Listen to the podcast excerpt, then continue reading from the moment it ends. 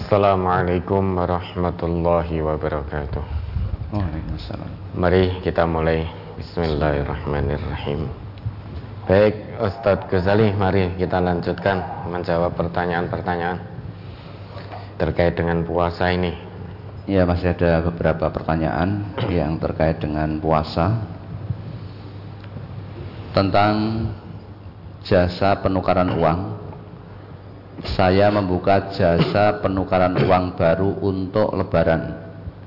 Dengan jasa penukaran setiap 100 ribu saya ambil 5 ribu sebagai jasa untuk reseller maupun yang bukan reseller. Kemudian reseller saya itu menjasakan kembali uang itu dengan jasa tukar setiap 100 ribu ambil jasa 10 ribu. Kemudian reseller itu menresellerkan uang tadi dengan jasa tukar yang berbeda lagi. Apakah itu diperbolehkan? Boleh dan tidaknya itu kita harus melihat ketentuan dari agama. Nah ini jasa atau jual beli beda tipis ini. Maka boleh tidaknya kita lihat dulu. Nabi kita telah menegaskan satu prinsip terkait bagaimana kita bermuamalah terhadap benda-benda ribawi ini. Dalam sebuah sabdanya, beliau secara tegas ngendika adz-dzahabu bidz-dzahab wal fiddatu bil fiddah wal burru bil burri wasyairu bisyairi. Wattamru bitamri wal milhu bil milhi mislan bimislin yadan biyadin. Jadi terkait dengan benda-benda ribawi ini yang disebutkan oleh Nabi itu maka ada dua syarat yang harus dipenuhi kalau emas dengan emas, maka syaratnya harus mislan bimislin, sepadan. Tidak boleh lebih, tidak boleh kurang. Yadan biadin, kontan, tunai. Ad-dahab, begitu pula dengan perak. Kalau perak dengan perak, dua syarat tadi juga berlaku yaitu mislan bimislin ya dan biyadin itu juga berlaku. Nah emas perak ini kemudian dikiaskan ke seluruh jenis mata uang termasuk rupiah maka rupiah ini juga termasuk benda-benda ribawi. Kalau rupiah tukar dengan rupiah maka harus sepadan. Harus sepadan mislan bimislin. Jadi kalau saudara misalkan ada orang yang menukar satu juta karena ini mau lebaran dengan satu juta yang baru uang baru kalau yang menukar tadi kemudian menerimanya hanya 995 ribu rupiah, nah, itu berarti riba. Meskipun sama-sama ridho birido. Meski sama-sama ridho, yang namanya riba tetap riba. Tidak peduli apakah saling ridho atau tidak. Kalau riba, tetap riba. Jangan dikira orang yang pinjam di bank plecet itu juga tidak ridho birido, itu juga saling ridho. Nah, makanya kalau saudara penyedia jasa tersebut satu juta, maka serahkan. Ada serah terimanya sama persis satu juta. Jadi satu juta uang lama saudara ganti dengan satu juta uang baru. Akad pertama selesai dulu. Jadi satu juta uang lama, saudara berikan satu juta uang baru, sudah selesai.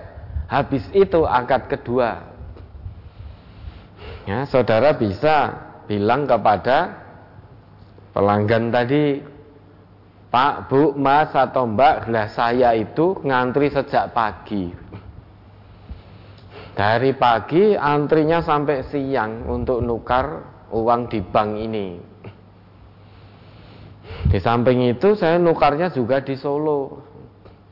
Ada ongkos bensin, makanya ini saya ambil jasanya. Lah sekarang tinggal panjenengan bayar jasa ke saya. Jasa antri saya di bank yang memakan waktu juga sebagai jasa uang ganti bensin saya. Nah itu sudah beda akad. Itu namanya jasa.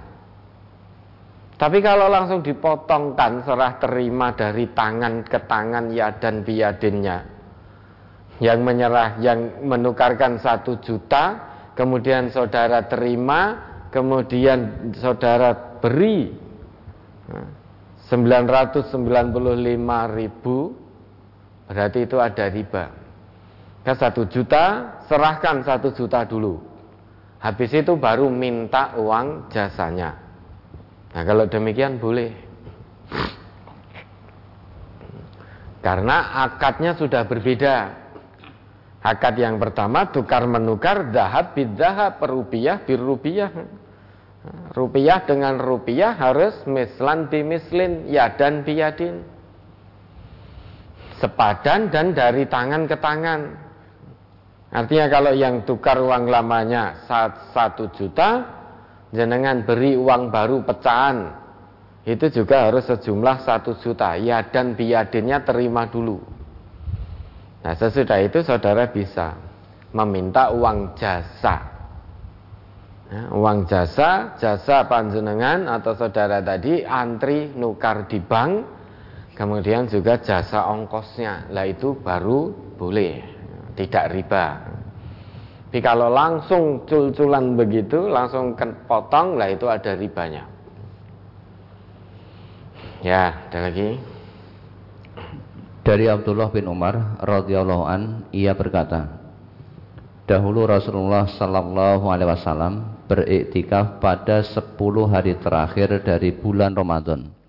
Hadis riwayat Bukhari juz 2 halaman 255. Pertanyaan, apakah ada batasan waktu ketika melakukan iktikaf misalnya 30 menit atau selebihnya dan apa saja kegiatan saat iktikaf iktikaf itu bukan hanya 30 menit. Kalau berdasarkan apa yang Nabi perintahkan kepada Umar bin Khattab ya tikaf itu minimal satu malam. Ya dahulu Umar bin Khattab itu pernah bertanya kepada Nabi ya Rasulullah wahai Rasulullah ini nadartu fil jahiliyati an a'takifa lailatan fil masjidil haram Dulu ketika masih masa jahiliyah aku pernah bernadar untuk beriktikaf semalam di Masjidil Haram. Maka faqala lahun faqala lahun Nabi sallallahu alaihi wasallam aufi nadraka. Maka Nabi bersabda kepada Umar, laksanakan, tunaikan nadarmu. Summa atakafa lailah. Kemudian Umar beriktikaf di Masjidil Haram satu malam. Jadi berdasarkan riwayat ini iktikaf itu minimal satu malam sampai berakhir atau sampai sholat subuh. Sampai sholat subuh jadi satu malam. Dan apa yang dilakukan iktikaf itu? Sekarang sebelum kita melakukan sesuatu dalam i'tikaf perlu dipahami dulu. Apa toh i'tikaf itu? Apakah i'tikaf itu hanya berdiam diri, nginep di masjid toh?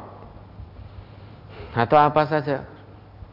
Maka coba diingat itu Quran surat Al-Anbiya ayat 52. Asal kata dari i'tikaf.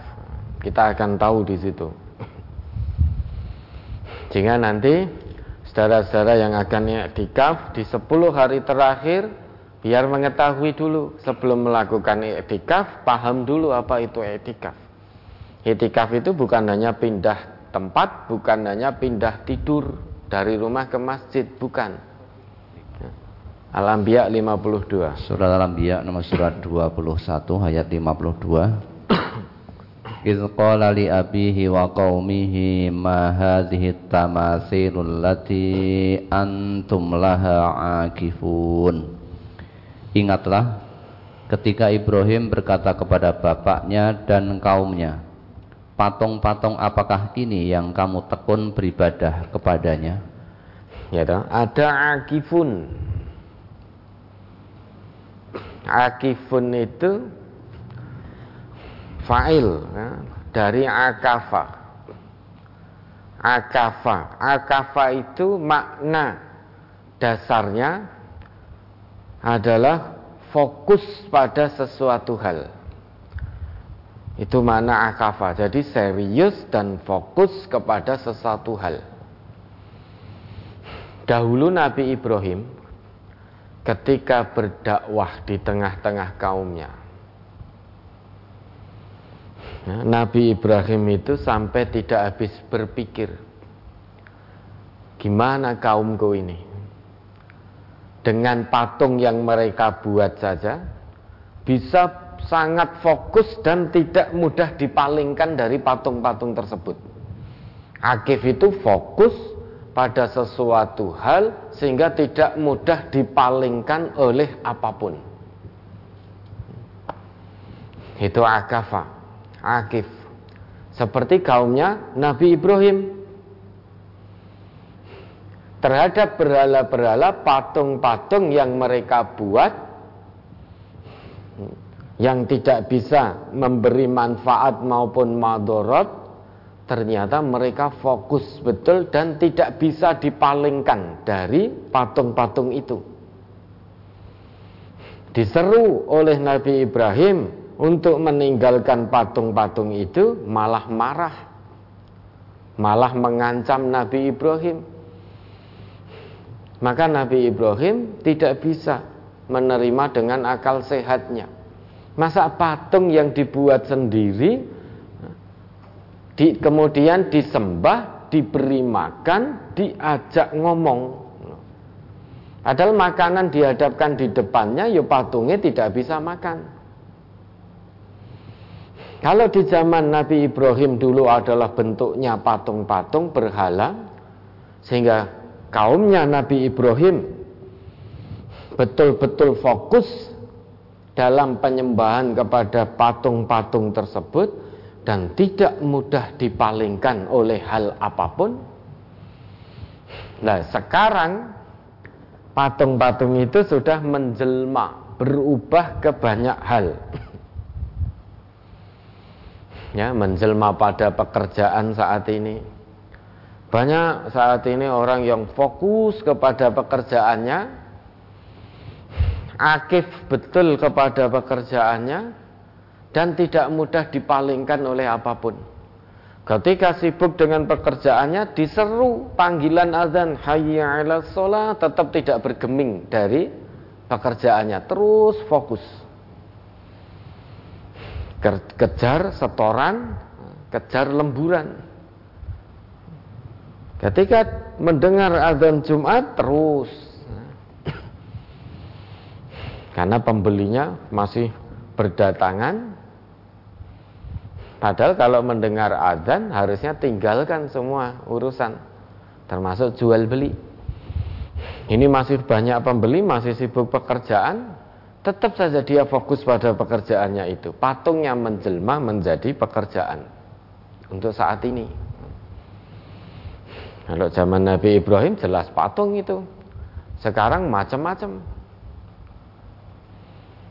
Pecinta bola, Liga Champion dini hari sampai masuk waktu subuh. Ketika sedang asik-asiknya lihat sepak bola tidak peduli diingatkan diajak tahajud ya ora peduli. Tidak bergeming dia aktif betul melihat tontonan sepak bola itu. Fokus betul. Tidak mudah dipalingkan. Mendengar azan subuh berkumandang tetap tidak beranjak dari layar televisinya. Karena belum selesai. Lagi seru-serunya. Ini aktif fokus pada satu hal dan tidak bisa dipalingkan oleh hal apa pun. Tidak mudah dipalingkan. Dari akafa. I'tikaf kemudian di situ ada tambahan dua huruf. Alif dan ta menjadi i'takafa. Kalau akafa tadi pelakunya disebut akif, i'takafa menjadi mu'takif. Sifatnya disebut i'tikaf. Dalam bahasa Arab setiap ada tambahan bangunan tambahan huruf itu menandakan adanya usaha dari manusia yang serius sehingga i'takafa itu berarti ada usaha dari manusianya untuk serius fokus tidak mudah dipalingkan oleh hal-hal duniawi. Sekarang kalau judulnya iktikaf sudah berada di dalam masjid tetapi yang dilakukan tetap ngurusi dagangan melalui HP-nya, ngurusi urusan-urusan duniawinya, ngurusi pekerjaannya meskipun dia berdiam di dalam masjid namun dia tidak disebut sedang iktikaf karena fokusnya tetap pada masalah-masalah duniawi. Pada masalah pekerjaan nah, guru wah saya belum meninggalkan tugas. Dia ngurusi tugas WA ini itu pekerjaannya. Oh nanti kulaknya di sini anunya di sini jual sekian. Titip pesan kepada orang rumah. Meskipun dia berdiam di dalam masjid pengen iktikaf namun tidak disebut iktikaf. Karena iktikaf itu bukan hanya pindah tempat dari rumah kemudian menuju masjid. Kalau di rumah dengan HP-nya sibuk ngurusi masalah duniawi, begitu pindah ke masjid kok masih tetap sibuk ngurusi masalah duniawi dengan HP-nya, meski fisiknya ada di dalam masjid namun hatinya di luar. Nah itu tidak disebut iktikaf maka fokus. Kalau iktikaf ini fokus. Fokus tentu harus ada program. Program yang ingin diraih ketika iktikaf itu. Tidak hanya asal-asal ikut-ikutan. Iktikaf ah, pokoknya saya iktikaf masuk ke masjid. Melihat orang sholat, ikut sholat. Melihat orang ngaji, ikut ngaji. Melihat orang Zikir ikut zikir tanpa ada program tertentu yang harus dia fokuskan untuk diraih, ditargetkan. Ya, maka yang dilakukan dalam iktikaf itu banyak hal. Yang mana semuanya fokus untuk akhirat, fokus untuk mengingat Allah. Bisa dengan zikrullah, zikir pada Allah, bisa dengan kiraatul Quran, bisa dengan tilawatul Quran, bisa dengan tahfidul Quran, atau dengan kegiatan-kegiatan positif lainnya. Ya, tadabbur Al-Quran atau mendengarkan kajian-kajian, diskusi-diskusi tentang agama di situ, pokoknya hal-hal yang menyebabkan kita ingat dan fokus kepada Allah. Itu dilakukan dalam iktikaf. Sehingga tidak sibuk dengan urusan dunianya. Uh lali durung kulaan pesen pada anaknya, "Le, nanti kulak di sini ya. Nanti jual sekian, nanti inilah berarti perbuatan yang dilakukannya tidak fokus pada Allah, maka tidak disebut iktikaf. Ya, ada lagi? Berikutnya Mohon penjelasan isi dari hadis yang ada di brosur halaman 16 Hadis riwayat Abu Dawud juz 2 halaman 333 nomor 2473 tentang etikaf. An Aisyah annaha qalat as-sunnatu 'alal mu'takifi an la ya'uda marizun wa la yashhada janazatan wa la yamassa imra'atan wa la yubashiruha wa la yakhruja li hajatin illa lima la budda minhu wala atikafa illa bisaumin wala atikafa illa fi masjidin jami'in. Rawahu Abu Dawud. Dari Aisyah ia berkata menurut sunnah bahwa orang iktikaf itu tidak menjenguk orang sakit tidak melayat tidak menyentuh wanita tidak mengumpulinya dan tidak keluar dari tempat iktikaf untuk sesuatu keperluan kecuali sesuatu yang ia harus melakukannya dan tidak ada i'tikaf melainkan dengan puasa dan tidak ada i'tikaf melainkan di masjid jami. Hadis itu menjelaskan beberapa larangan bagi orang yang sedang fokus beriktikaf.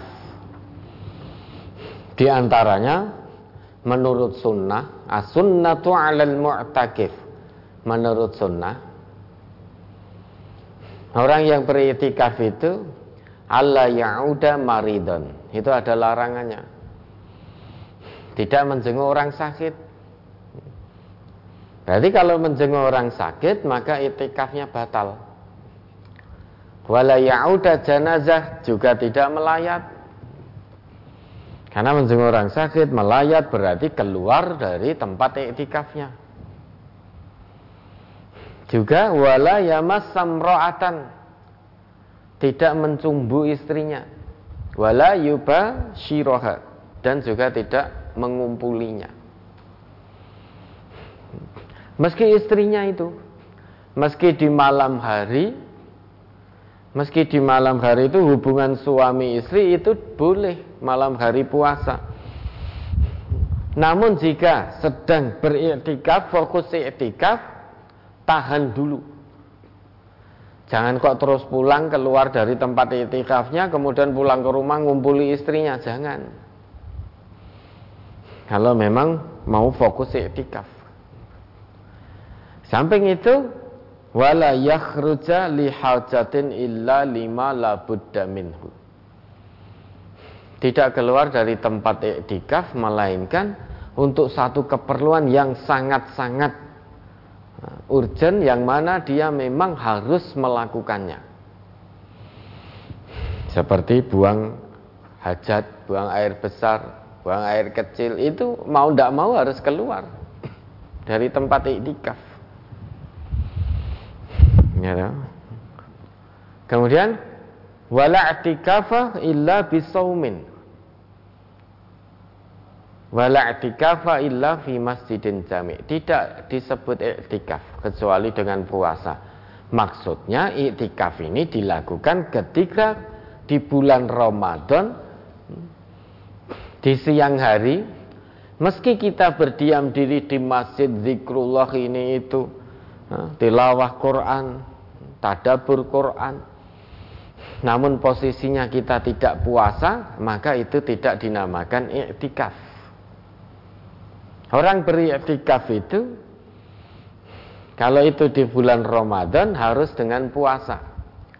Misalkan kita ya, musafir, musafir itu boleh mengambil rukhsah untuk tidak puasa. Kemudian 10 hari terakhir kita masih ada di tempat safar, lantas kita itikaf di masjid dengan tidak puasa, maka itu tidak disebut itikaf. Kalau itikaf di bulan Ramadan siang hari harus dengan puasa baru dinamakan itikaf. Kemudian juga tidak dinamakan itikaf kalau tidak dilakukan di masjid jami. Masjid jami itu maksudnya masjid yang di situ digunakan atau didirikan sholat lima waktu dan juga sholat Jumat itu disebut masjid jami. Kenapa? Karena kalau di tempat itu misalkan musola di Indonesia ini kan musola biasanya hanya didirikan sholat lima waktu. tidak digunakan untuk sholat Jumat.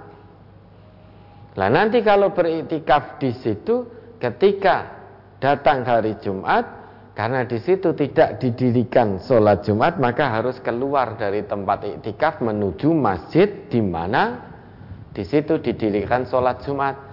Maka saudara yang mau iktikaf pilihlah masjid yang memang di situ didirikan sholat lima waktu dan juga sholat Jumat.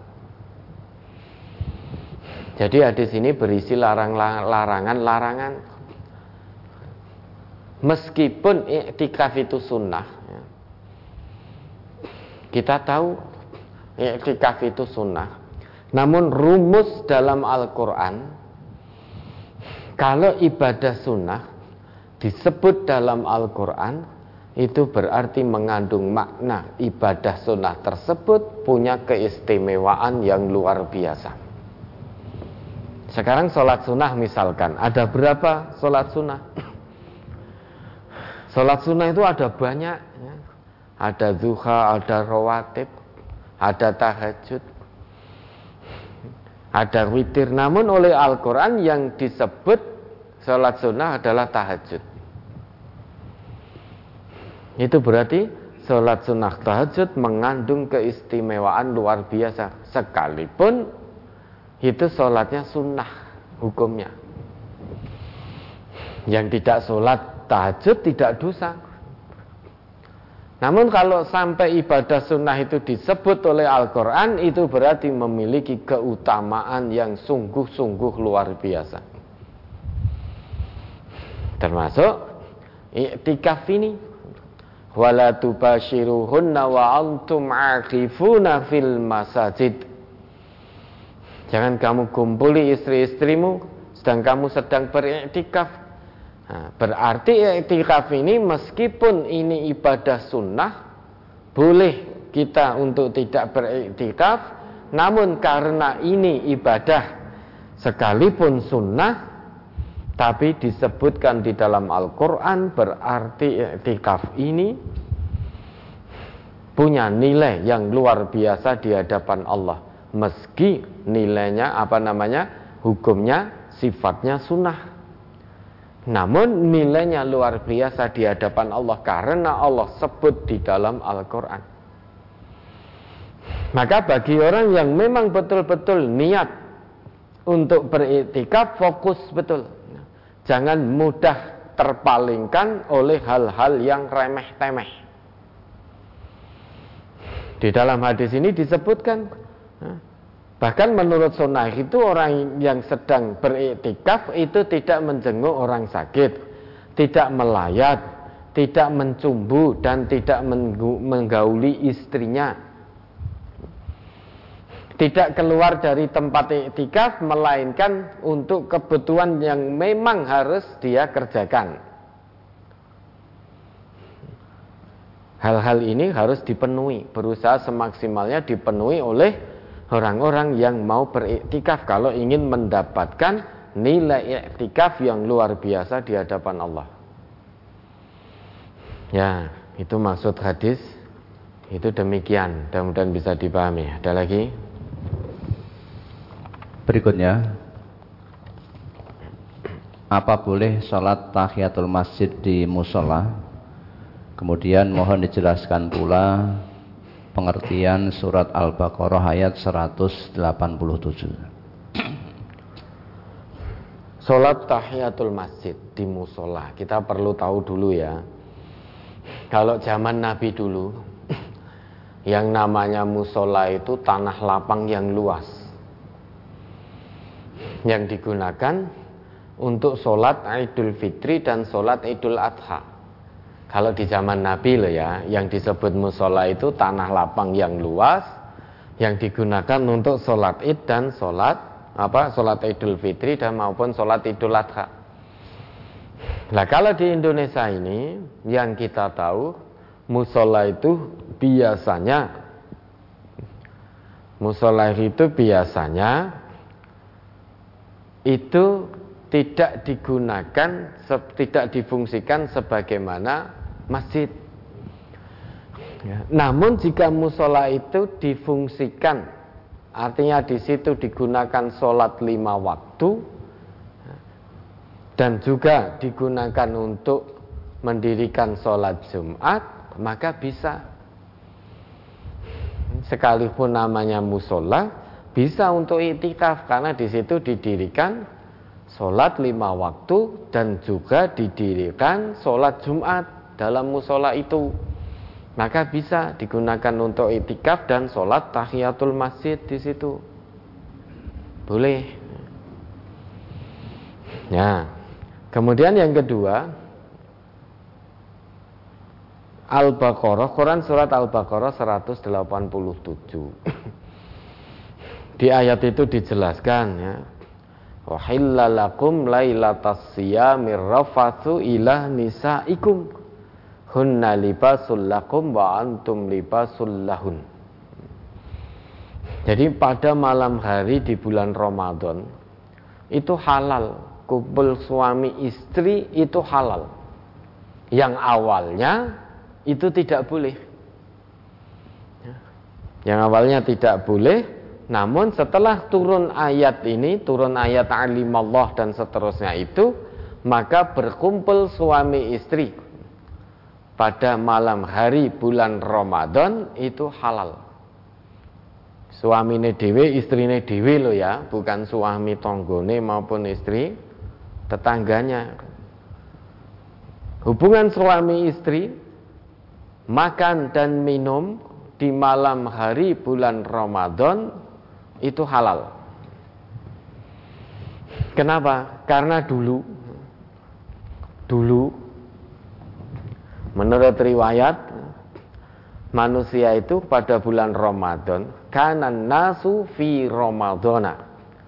Dahulu itu manusia pada bulan Ramadan ida somar rajulu fa'amsa fanama haruma alaihi ta'amu wasyarabu wan nisa'u hatta yuftira minal ghadi. Dulu itu jika datang bulan Ramadan atau manusia berada di bulan Ramadan, apabila ada orang yang berpuasa, fa'amsa kemudian datang waktu berbuka, fanama setelah itu dia tidur. Nah, tidurnya itulah menjadi tanda dia tidak boleh lagi makan, tidak boleh lagi minum, tidak boleh lagi berkumpul suami istri sampai datang waktu berbuka berikutnya. Hmm, misalnya datang waktu berbuka maghrib, kemudian kita makan minum, habis sholat isya kita tidur. Nah nanti tengah malam terbangun kita tidak boleh makan, tidak boleh minum, tidak boleh berkumpul suami istri itu dulu di waktu Ramadan sebelum turun ayat ini. Jadi dulu orang kalau puasa datang waktu berbuka kemudian dia tidur, lah tidurnya itu menjadi tanda tidak boleh lagi makan, tidak boleh lagi minum, tidak boleh lagi berkumpul suami istri sampai datang waktu berbuka esok hari. Nah, pernah pada satu malam Faraja Umar ibnul Khattab min indin Nabi sallallahu alaihi wasallam Zata lailatin qad sahira indahu Pada suatu malam Umar bin Khattab pulang dari sisi Nabi setelah berbincang-bincang dengan Nabi pada satu malam. Sampai rumah fawajadam ra'atahu qad namat fa'aradaha Umar bin Khattab mendapati istrinya sudah tidur sedangkan Umar ingin mengumpulinya. Lantas Umar membangunkan istrinya.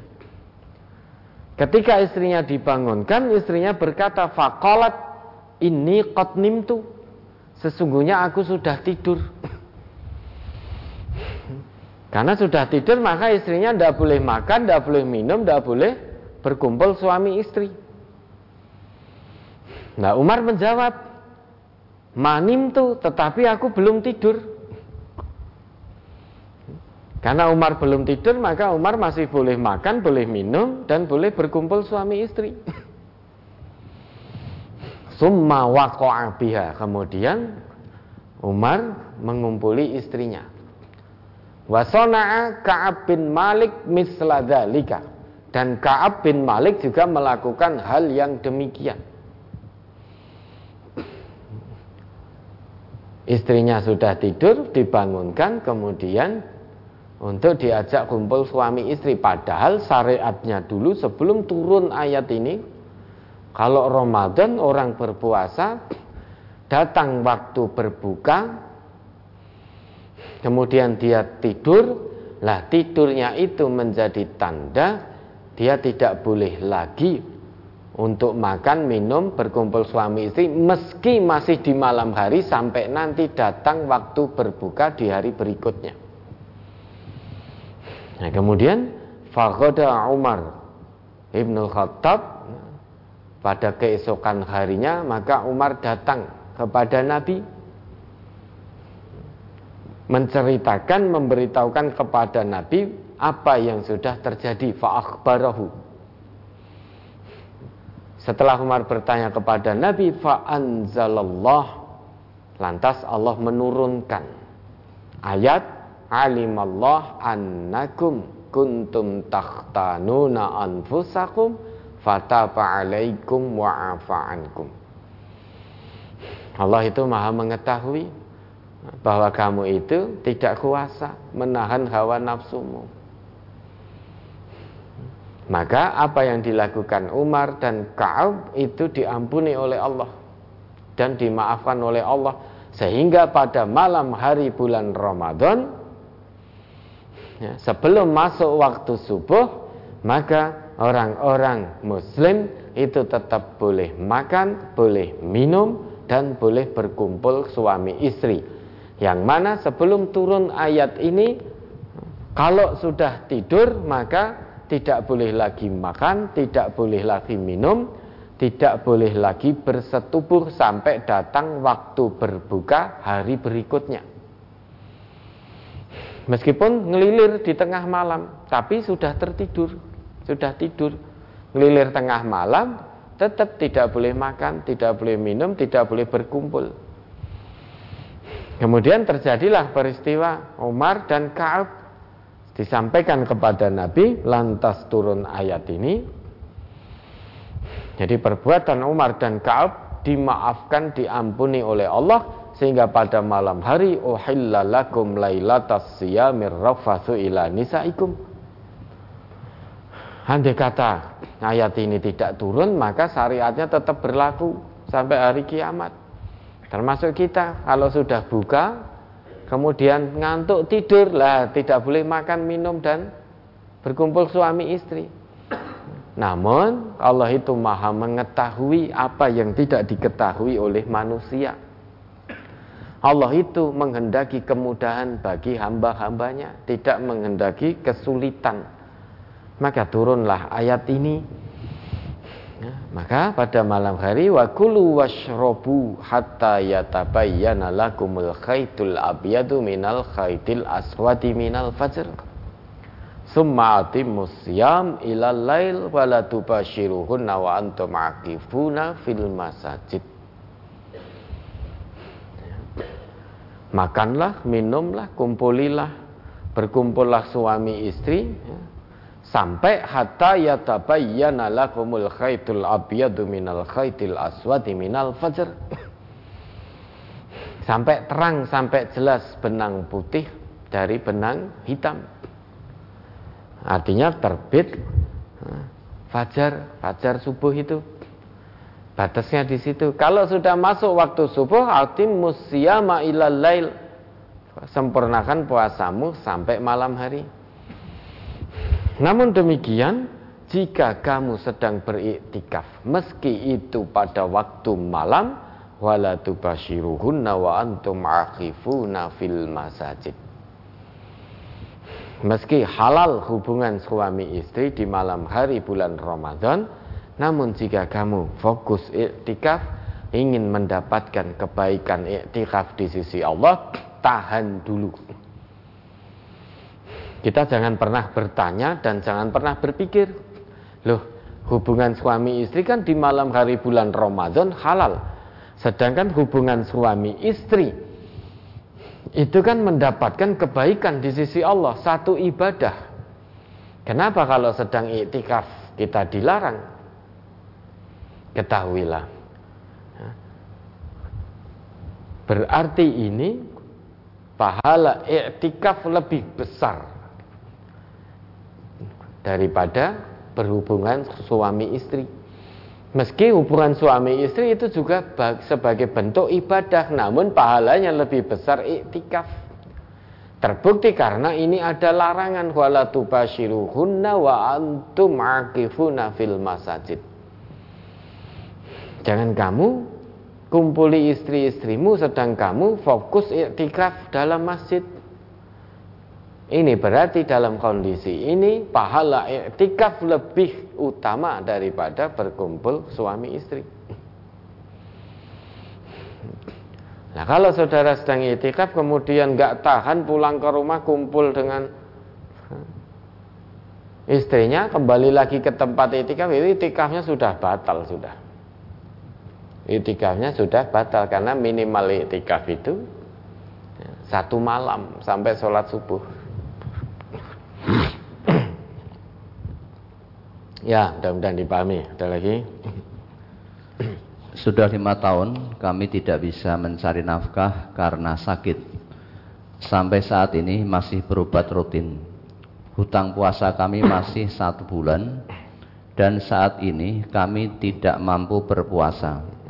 Apakah kami harus mengganti puasa kami dengan membayar fidyah Ustaz dengan catatan Istri kami sudah satu tahun juga berobat rutin. Itu berarti bapak dan istrinya itu sakit menaun. Sakit menaun itu meski bisa diharapkan kesembuhannya namun butuh waktu yang lama.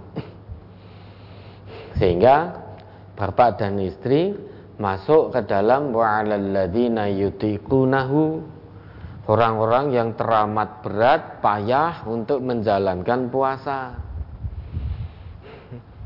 Ini karena sakit menaun sebabnya panjenengan dan istri. Sakit menaun itu bukan berarti tidak diharap tidak bisa diharapkan kesembuhannya. Bisa sembuh namun juga butuh waktu sangat-sangat panjang maka masuk ke dalam kolom ini. Sehingga boleh untuk tidak berpuasa namun wajib membayar fidyah. Fidyah itu memberi makan kepada fakir miskin itu fidyah. Maka bapak dan istri boleh untuk tidak berpuasa namun wajib membayar fidyah Ya, ada lagi. Kemarin ada yang bertanya kepada saya. Dia sedang istihadah tapi saat itu darah istihadah sudah tidak keluar. Dia tanya, apakah tetap berpuasa dan sholat dan harus mandi janabat? Waktu itu dia sudah terlanjur minum air putih dan belum sholat subuh. Saat bertanya itu sudah pukul 6. Saya menjawab, sepengetahuan saya kalau istihadah itu tetap melaksanakan sholat dan berpuasa. Ketika akan melaksanakan sholat, darah dibersihkan dulu. Saat itu saya sarankan juga untuk melaksanakan sholat subuh meski sudah jam 6. Apakah jawaban saya itu sudah benar? Ustaz? Ya, insya Allah sudah betul karena tadi tidak tahu. Temannya tidak tahu. Maka pentingnya ngaji ya di situ. Jika jadi orang Islam itu kalau tidak ngaji, ya tidak akan paham tentang aturan Islam.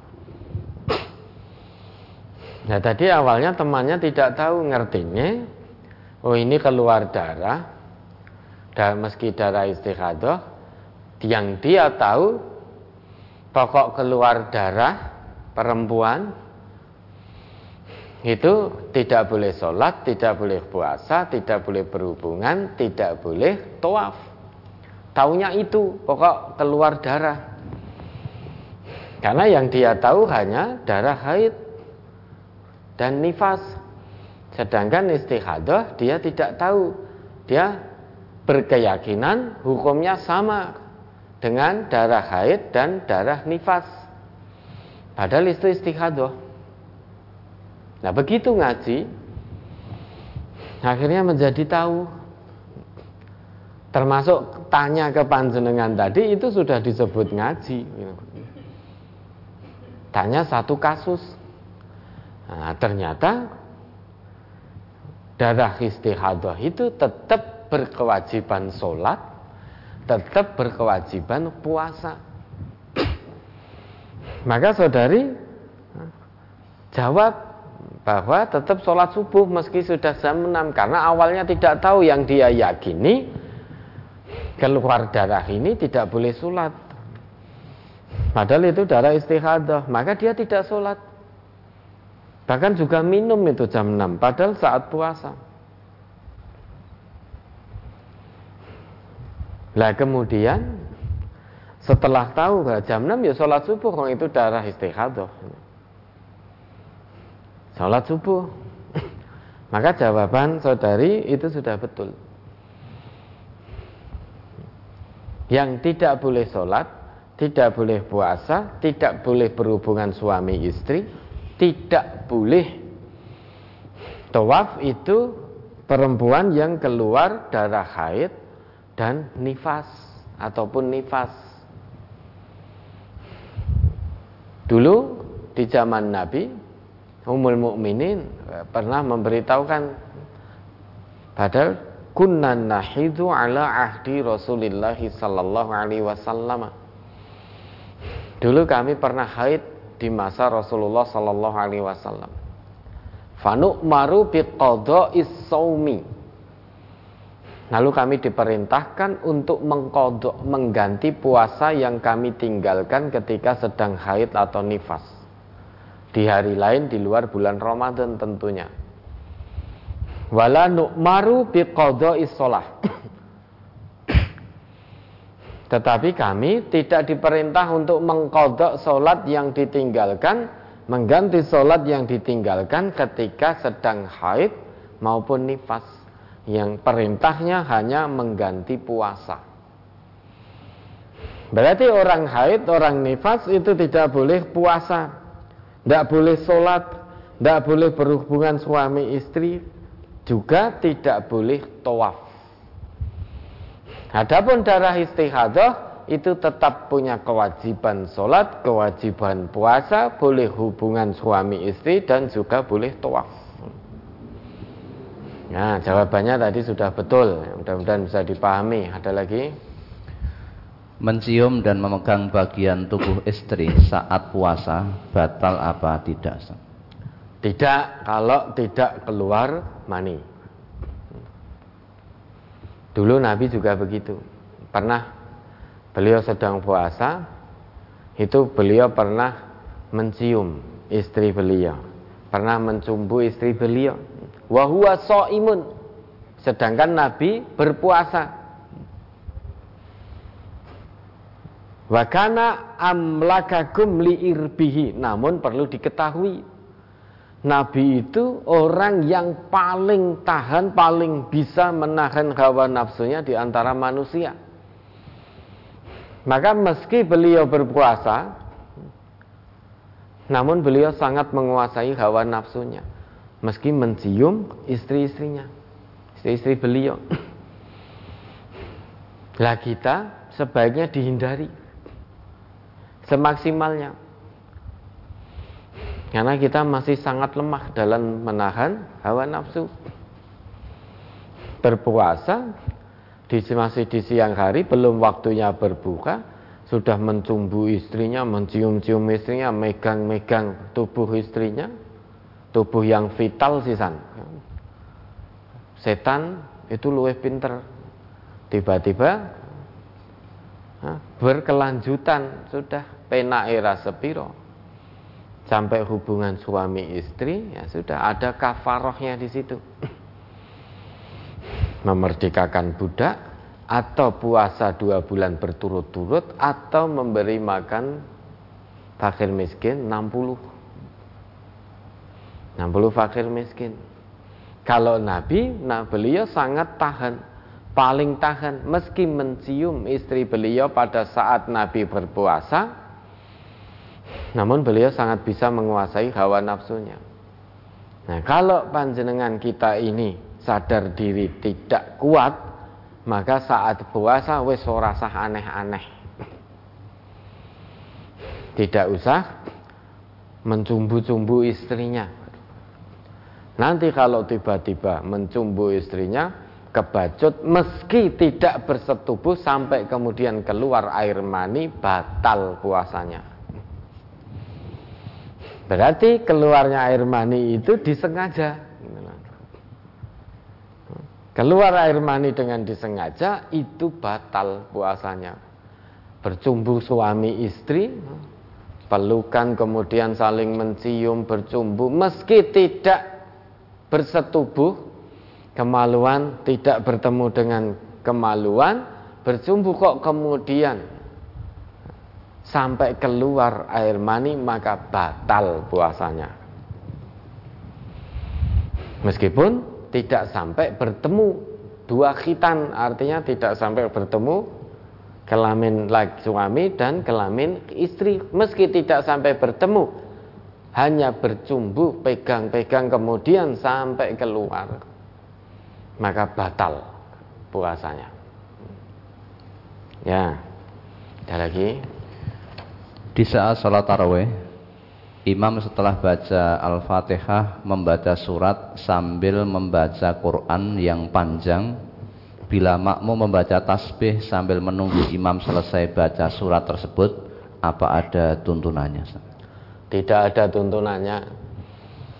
Kalau menurut Allah dalam Quran surat Al-A'raf ayat 204 itu jika Quran dibacakan kewajiban kita istimak dan insot. Dan itu mendengarkan dan memperhatikan.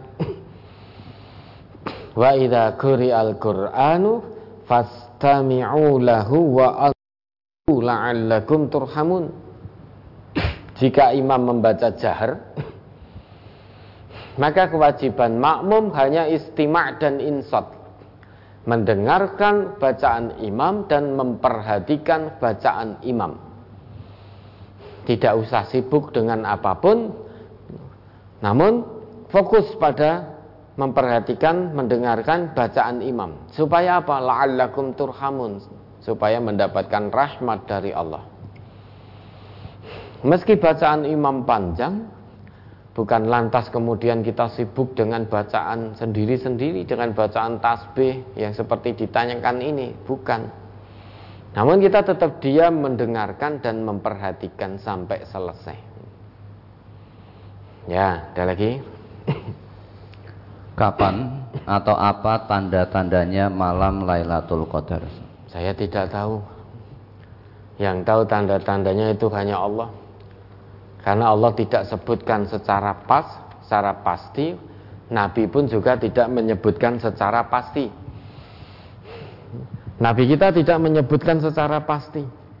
Tanda-tandanya begini, begini, oh malam 21 dan lain sebagainya, dan lain sebagainya.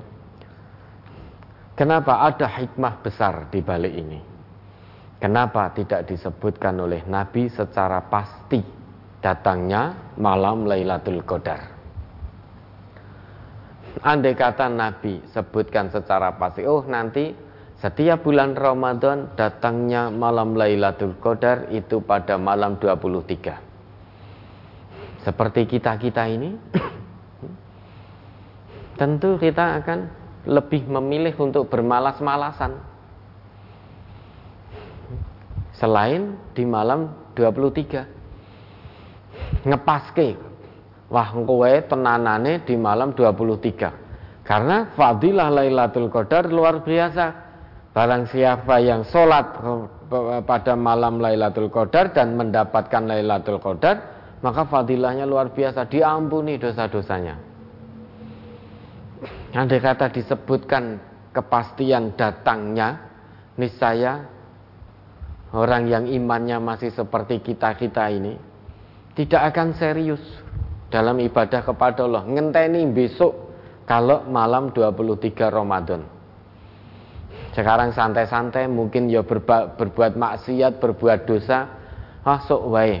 Kalau 23 Ramadan turun Lailatul Qadar, datang Lailatul Qadar aku tenanan pada malam itu.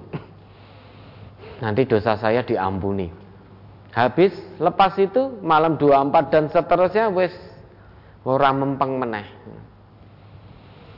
Yang hikmah terbesarnya itu. Maka tidak disebutkan secara pasti. Yang tahu hanya Allah itu. Yang kita tahu kalau kita mengikuti Nabi, Nabi itu idza ashru. Kalau masuk 10 hari terakhir Ramadan yang dilakukan Nabi itu syadda mi'zarahu lebih mengencangkan tingkat pinggang. Artinya lebih tingkatkan lagi ibadah kedekatannya kepada Allah. Di samping itu beliau menghidupkan malam-malam tersebut. Wa ahya lailahu. Samping itu wa aiqadha ahlahu. Membangunkan keluarganya. Itu 10 hari terakhir yang senantiasa dilakukan oleh nabi kita maka mari kita ikuti apa yang senantiasa dilakukan oleh Nabi kita. Bukan berarti di sepuluh pertengahan, sepuluh awal kita santai-santai, bukan. Artinya tetap mulai awal tetap kita semangat sungguh-sungguh. Lah nanti sepuluh menjelang akhir lebih tingkatkan lagi, lebih sungguh-sungguh lagi. Kenapa? Karena sebentar lagi kita akan ditinggal bulan Ramadan. Bisa jadi Ramadan kali ini Ramadan terakhir kita. Sehingga tahun depan tidak lagi bertemu dengan bulan Ramadan karena tidak diizinkan oleh Allah. Maka sebelum ini berakhir mau lebih tingkatkan, lebih tingkatkan, lebih tingkatkan, lebih sungguh-sungguh lagi perkara dapat Lailatul Qadar atau tidak, datang Lailatul Qadar atau tidak, wallahu a'lam, sudah tidak usah diperdebatkan lagi. Nah, yang jelas kita ikuti saja apa yang dilakukan Nabi. Ya, ada lagi. Pak Ustadz, kalau uang fidyah apa bisa masuk radio, TV, dakwah? Tidak bisa. Untuk bangun masjid itu juga tidak bisa uang fidyah itu. Karena fidyah salurannya hanya satu. Menurut Allah itu Al-Baqarah 184 wa fidyatun ta'amu miskin untuk memberi makan orang-orang miskin yaitu fakir miskin. Hanya itu saluran fidyah, satu itu. Amanah fidyah hanya satu itu. Maka tidak bisa uang fidyah kok masuk selain untuk memberi makan fakir miskin tidak bisa. Meskipun untuk radio, TV, dakwah, Quran, Sunnah tetap tidak bisa, tidak boleh nyalai aturan Allah. Sekalipun untuk bayar masjid tetap tidak bisa menyalahi aturan Allah juga. Yang namanya fidya salurannya hanya satu, maka hati-hati. Yang mendapatkan amanah untuk menyalurkan fidya, hati-hati betul, jangan sampai salah sasaran ya, yang dititipi untuk penyaluran fidyah hati-hati jangan sampai salah sasaran. Jangan hanya asal ngekeke jangan hanya asal menyalurkan. Ya, salurannya ini sudah sangat jelas yaitu fakir miskin sudah. Ora kok sing penting nol lah sing penting dikeke itu bukan. Sing penting disalurke sehingga tidak peduli lagi wis pokoknya iki video salurke pokoknya dintekke nah bukan begitu. Poinnya memang wajib segera disalurkan tetapi yang harus mendapatkan saluran tersebut hanya fakir miskin tidak boleh yang lain-lain. Maka hati-hati jangan kok ah iki timbangi rekoso wis pokoknya tak dumke tak entekke. Berarti tidak amanah sedangkan Allah larang la tahunullah war rasul wa tahunu amanatikum wa antum ta'lamun. Jangan khianati Allah jangan khianati Rasul dan jangan berkhianat terhadap amanah-amanah yang datang kepadamu sedang kamu mengetahui. Kita tahu ada amanah untuk fidyah disalurkan. Itu amanah untuk disalurkan penyalurannya kepada fakir miskin maka jangan kita tahan jangan ditahan apalagi sampai sekian lama ditahan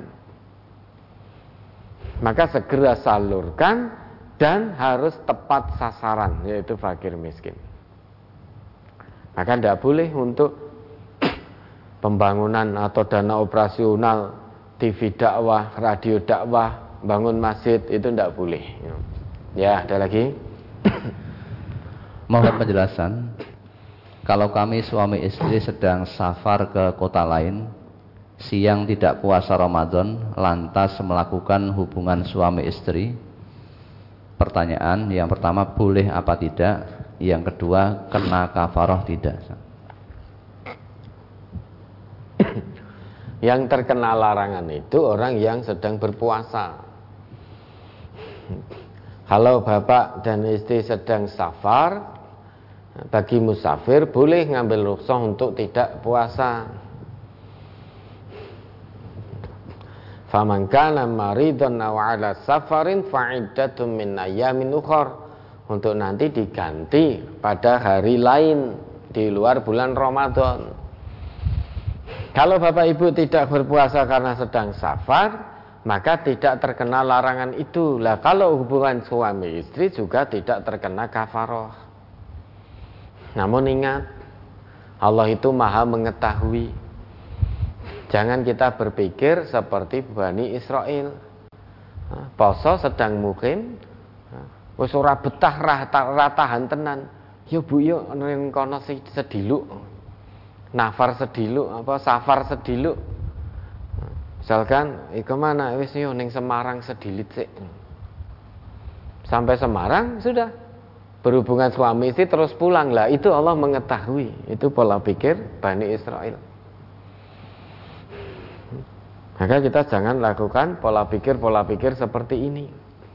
Kalau memang tidak ada tujuan safar, sekalipun kita sangat berhasrat di siang hari bulan Ramadan untuk melakukan kumpul suami istri, ya ditahan.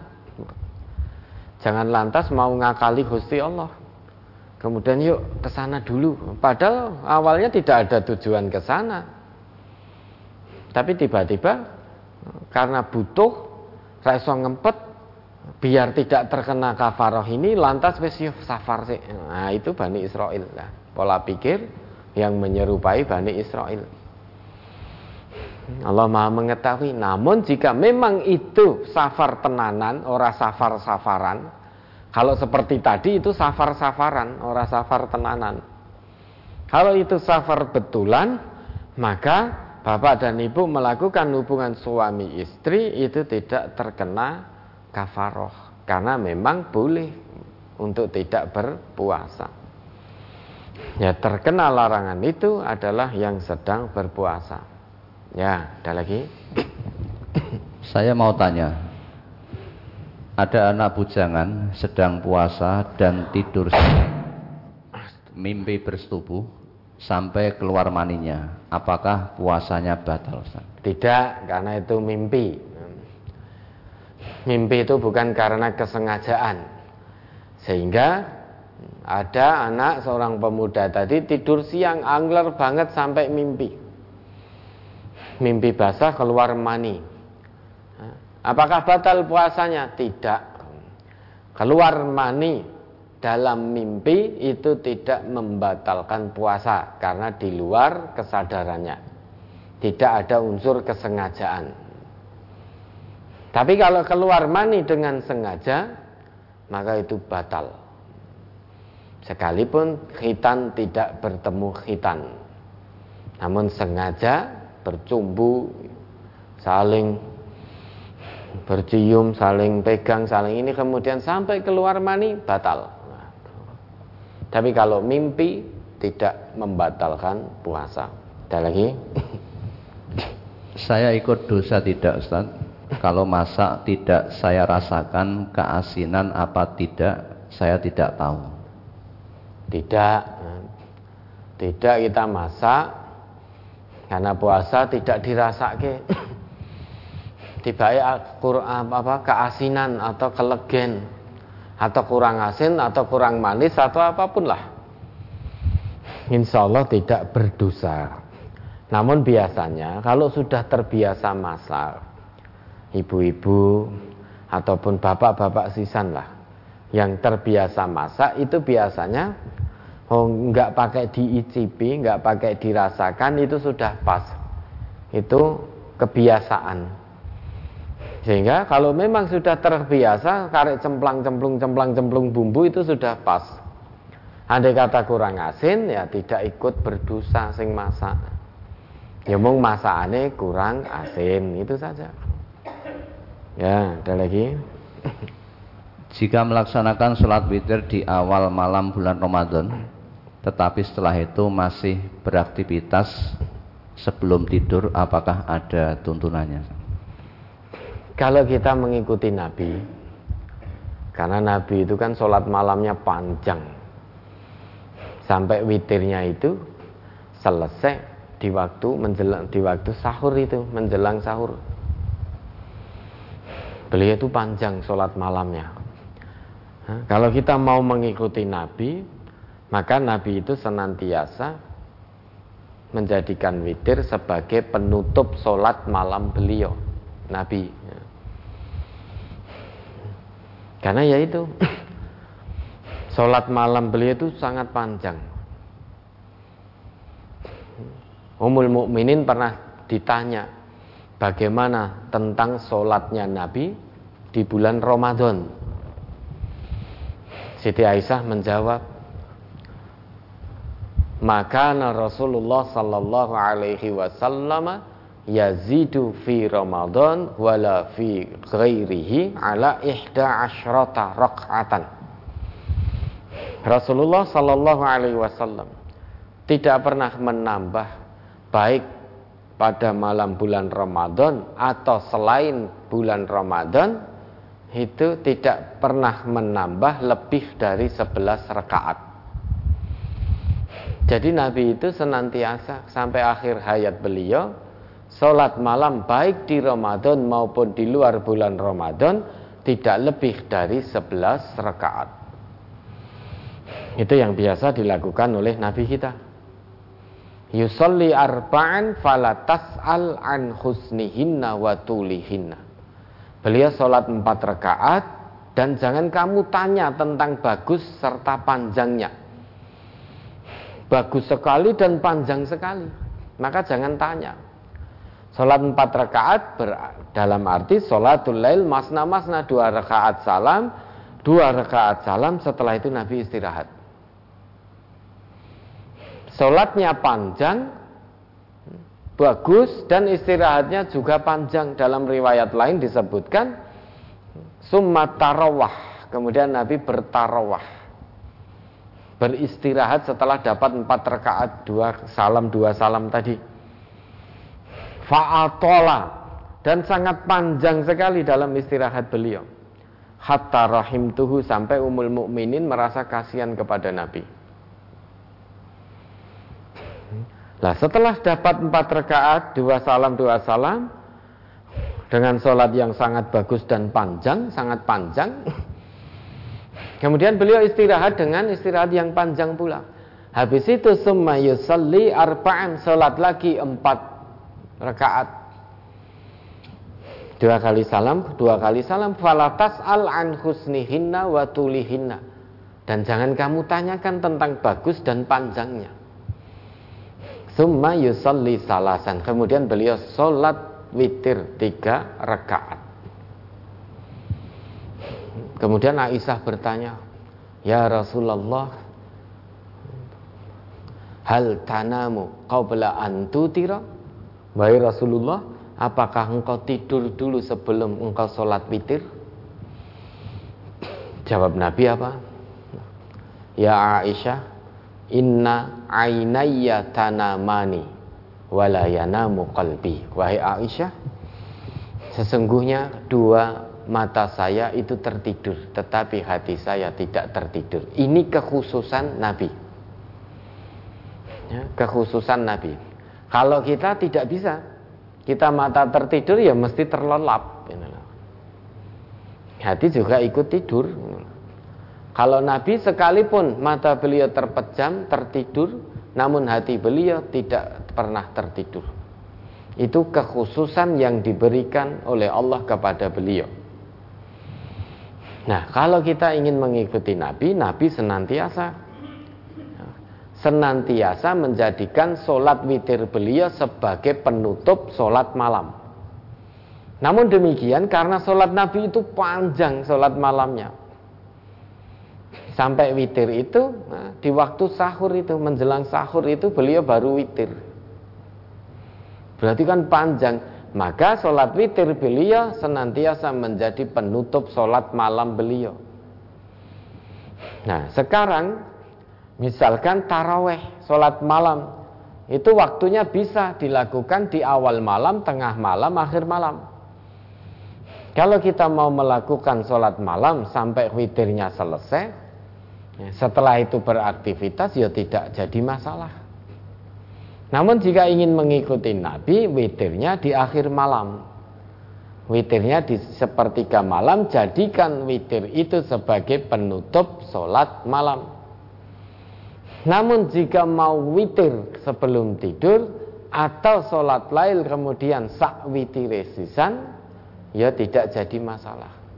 Karena yang namanya sholat lail itu boleh dilakukan di awal malam, tengah malam, akhir malam.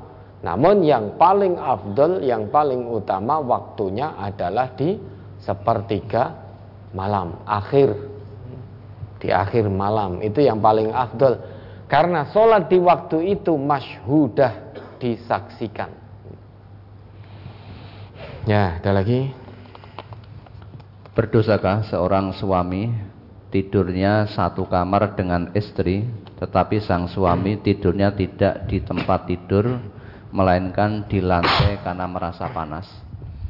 Kemudian suami istri yang bersetubuh ketika berpuasa Ramadan yang mengganti puasa berturut-turut dua bulan itu hanya suami atau suami istri. Yang pertama tidak berdosa tidur satu kamar karena suami sumuan mudah sumuk tidur di lantai tidak tidur satu ranjang dengan istri tidak apa-apa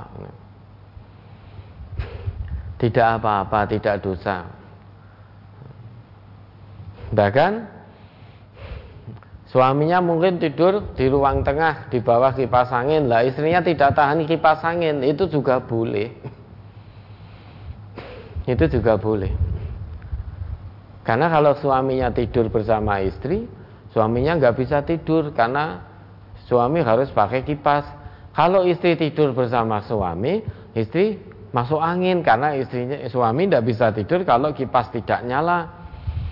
Sedang istri kalau terkena kipas akan masuk angin maka kesepakatan dan nanti naik pas waktunya tidur dah jenengan di ruang tengah ndak apa-apa pakai kipas angin kula mboten saged mungkin naik kenging kipas angin kena kipas angin masuk angin kalau nyun izin tidur di kamar yang tanpa kipas angin boleh tidak dosa itu kemudian yang kedua hubungan yang bersetubuh suami istri. Yang bayar kafarah siapa? Ya dua-duanya. Ya suami, ya juga istrinya. Ini yang bersetubuh suami istri, sehingga bukan suaminya tok. Meski tidak mengeluarkan mani, dua-duanya tetap membayar kafarah. Asal sudah duhul bertemu, kelamin suami dan istri sudah duhul, sudah bertemu. Meski tidak sampai keluar air mani, tetap terkena kafarah baik suami maupun istri itu bayar puasa dua bulan berturut-turut itu kafarahnya. Nah ini kok bertanya apa ada apa-apa toh? Ya, suami istri kalau memang panjenengan melakukan maka baik suami maupun istri terkena kafaroh ini. Ya, ada lagi. Hadis halaman 5 bagian bawah dari brosur zakat fitrah. Dari Ibnu Umar ia berkata, Rasulullah sallallahu alaihi wasallam menyuruh kami supaya mengeluarkan zakat fitrah dan beliau bersabda, Berilah kecukupan kepada mereka, yakni orang-orang miskin supaya mereka tidak minta-minta pada hari ini. Pertanyaan, mohon dijelaskan pada kalimat berilah kecukupan kepada mereka yakni kepada orang-orang miskin supaya mereka tidak minta-minta pada hari ini. Ini maksudnya bagaimana? Ya, itu sudah jelas. Jadi kita diwajibkan mengeluarkan zakat fitrah salah satu tujuannya agar bisa memberi makan fakir miskin pada hari itu Ya, maksudnya pada hari itu, hari ini, hari raya itu orang-orang miskin tidak meminta-minta karena untuk makan. Sehingga tidak minta lagi karena sudah ada yang dimakan. Maka agnuhum an tawafi hadal yaum, beri kecukupan kepada mereka. Artinya kalau itu ada yang dimakan pada hari itu tentu orang-orang miskin tidak akan tawaf keliling meminta-minta. Meminta apa? Meminta sesuatu agar bisa dimakan. Makanya salah satu tujuan dari diwajibkannya zakat fitrah untuk memberi makan fakir miskin agar mereka tidak meminta-minta. Sehingga pada hari raya itu tidak merasakan sedih dan lain sebagainya, perutnya kenyang, tidak lapar. Maka beri kecukupan. Cukup, kenyangkanlah perutnya. Sehingga pada hari itu ada yang dimakan sehingga tidak perlu tawaf keliling meminta-minta. Ya, tapi beda. Kalau orang miskin zaman Nabi dulu dengan sekarang itu beda. Kalau dulu betul-betul kalau sudah cukup ya betul-betul menjaga keperwiraan.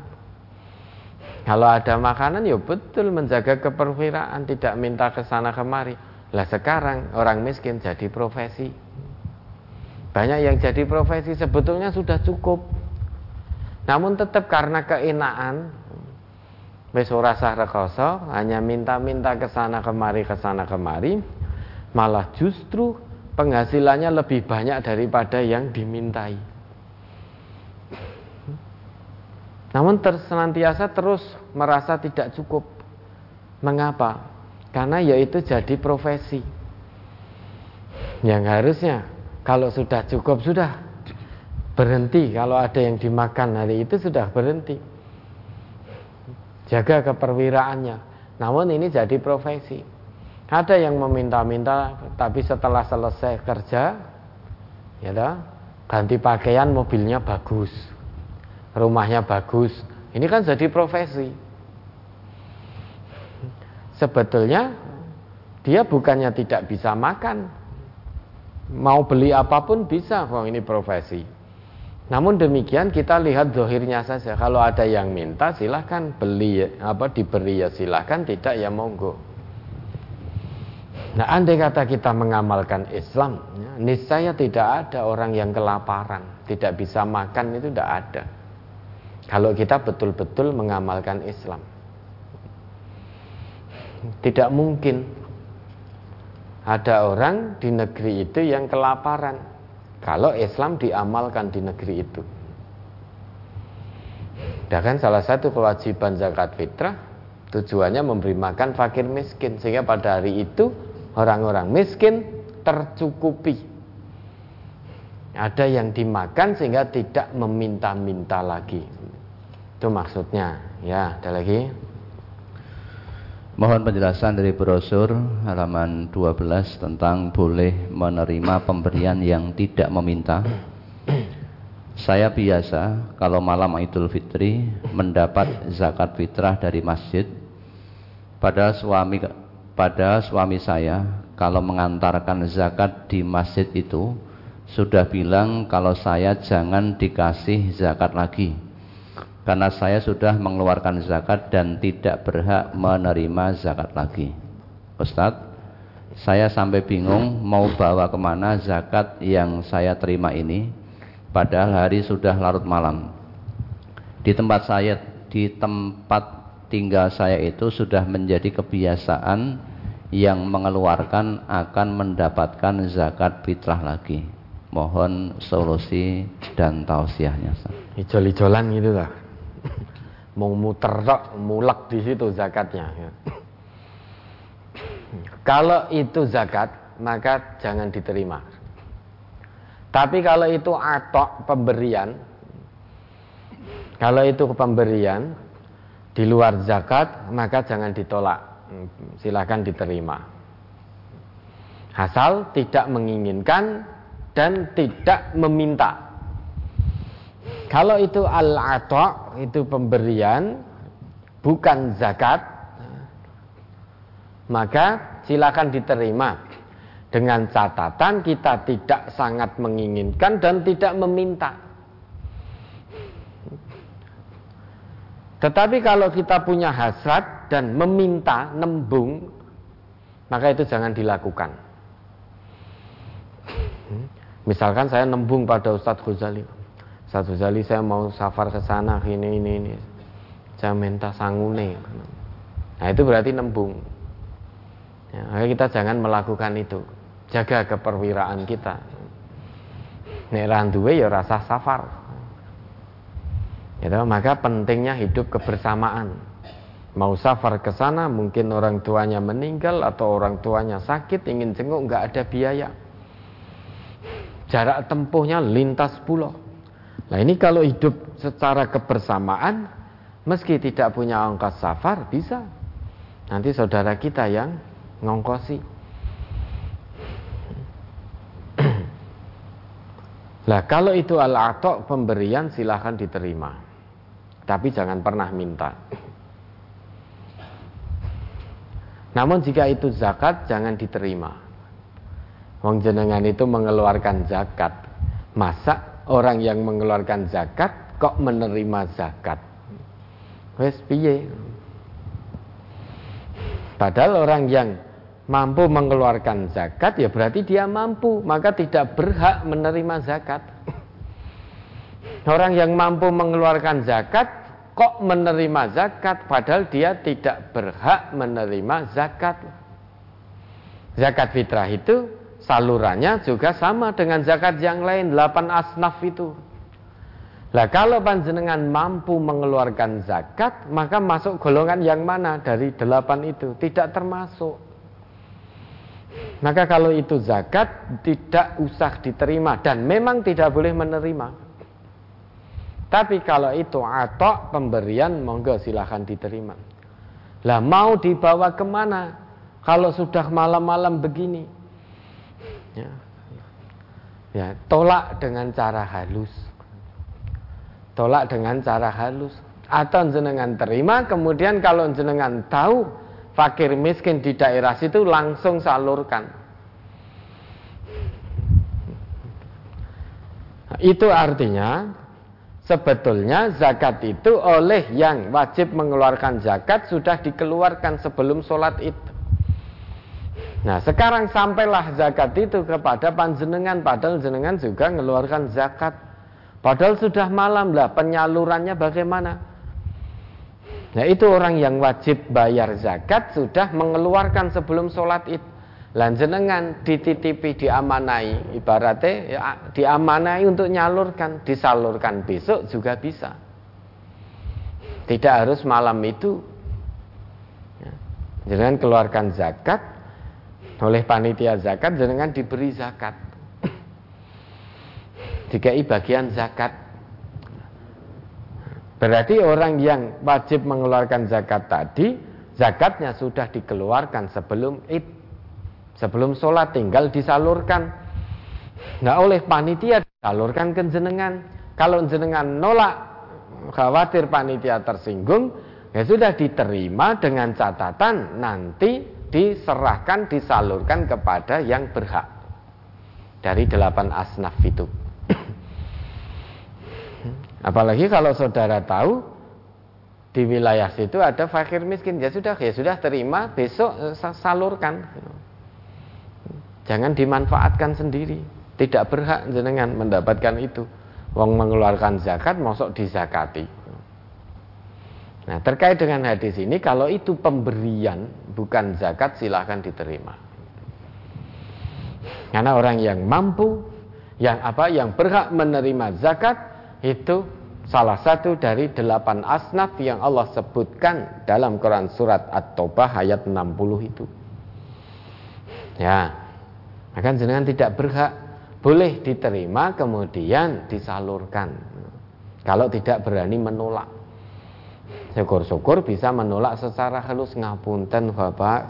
Nah, ini alhamdulillah saya diberi kemampuan oleh Allah mengeluarkan zakat maka saya tidak berhak menerima zakat monggo salurkan kepada yang berhak ya ada lagi saya laki-laki umur 18 tahun belum punya maisah apakah saya wajib mengeluarkan zakat fitrah? Nah, saudara ini berada di bawah tanggungan siapa? Berarti orang tuanya itu yang berkewajiban. Orang tuanya yang berkewajiban yang menanggung pengeluaran zakat fitrah saudara. Karena saudara masih dalam tanggungan orang tua maka orang tua berkewajiban kalau mampu loh ya berkewajiban mengeluarkan zakat fitrah saudara karena orang yang menjadi tanggungan Misalkan anak itu yang wajib mengeluarkan zakat fitrah adalah orang tuanya. Budak yang wajib mengeluarkan zakat fitrah adalah tuannya. Maka kalau ini tadi belum mampu mengeluarkan zakat fitrah yang wajib mengeluarkan adalah orang yang menanggung saudara tadi. Kalau orang tua berarti ya orang tua. Ya, ada lagi?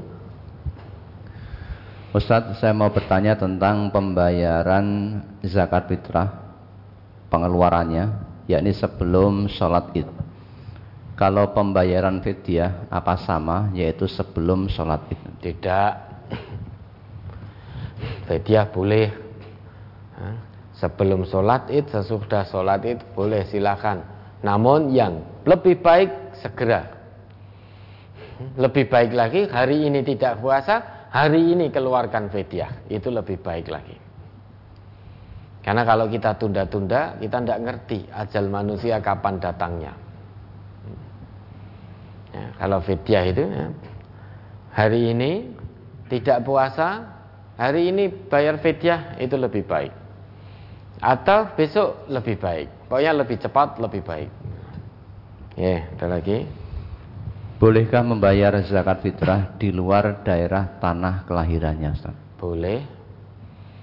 Ya. Jenengan lahir misalkan di Solo. Kemudian singkat cerita domisili di Jakarta.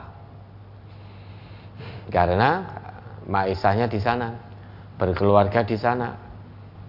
Maka membayar mengeluarkan zakat fitrah ya di sana boleh meski lahir di sini. Jangankan bayar zakat fitrah, mau kita mati di luar daerah kelahiran saja boleh kok. Ya, maka zakat fitrah, andai kata kita lahir di Solo, kemudian eh, seiring dengan berjalannya waktu, Allah takdirkan kita domisili di Jogja. Nah, kita keluarkan zakat di sana, boleh. Tidak ada larangannya. Ya, ada lagi. Kalau kita punya uang disimpan, gimana biar pas zakatnya? Caranya bagaimana? Gimana maksudnya? punya uang disimpan. Mau tanya tentang hal zakat.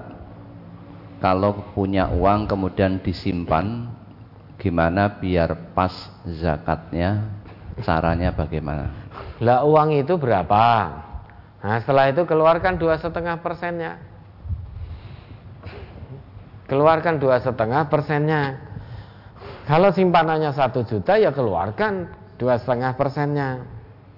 Berarti berapa? 25 ribu. Tapi untuk zakat tidak usah ngitung jelimet-jelimet, orang usah dipas-pas ke.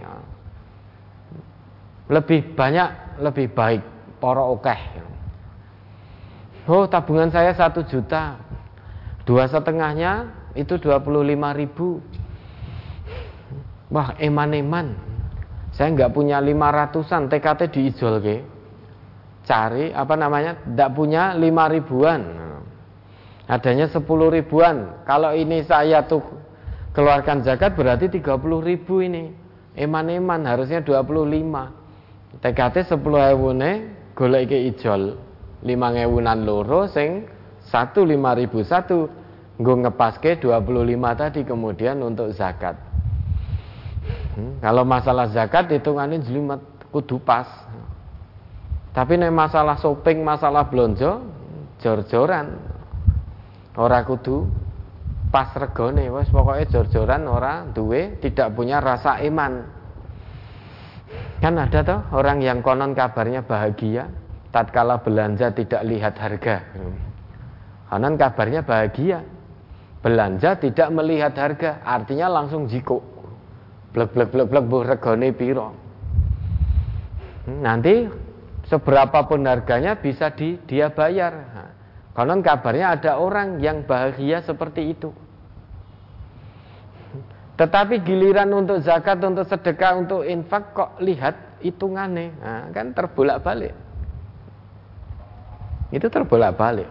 Masalah zakat wes enggak usah jelimet hitungannya wis ora jelimet-jelimet.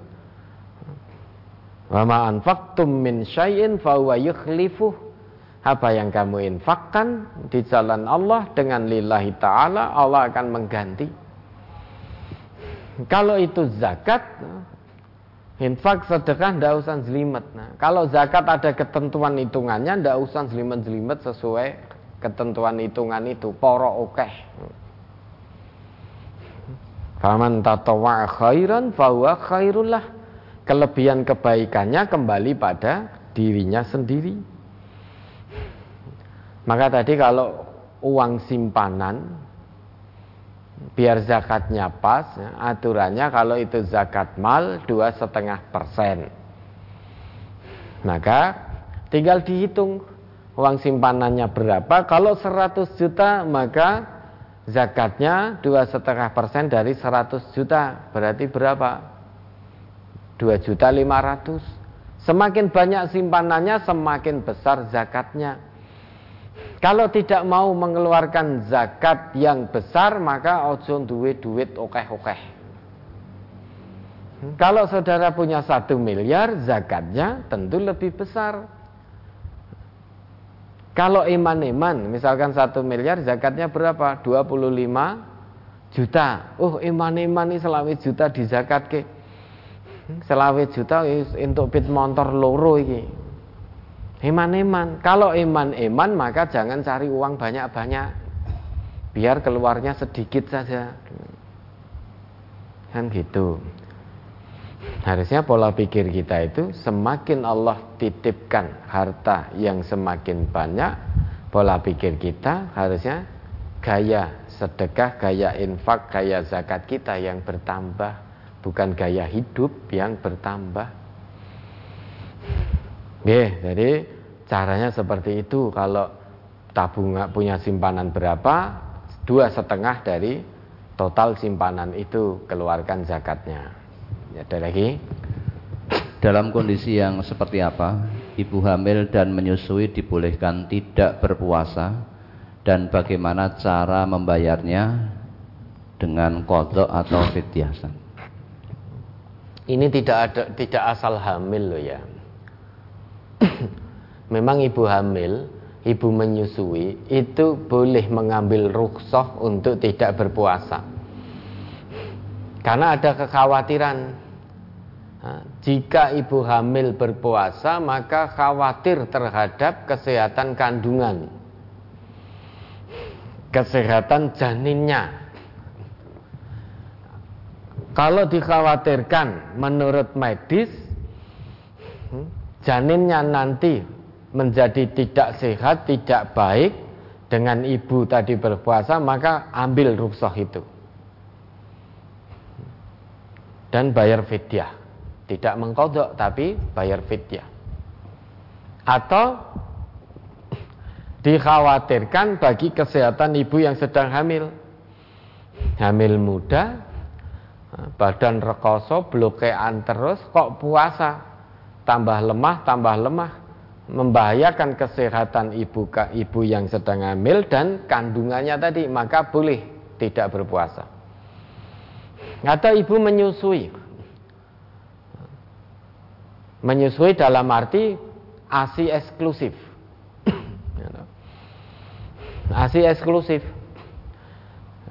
Bayi itu hanya mendapatkan makan minum dari ASI itu. Karena belum bisa makan yang lain. Maka itu boleh untuk tidak puasa. Kenapa? Karena kalau ibunya menyusui, ibu berpuasa, anaknya tadi tidak akan mendapatkan nutrisi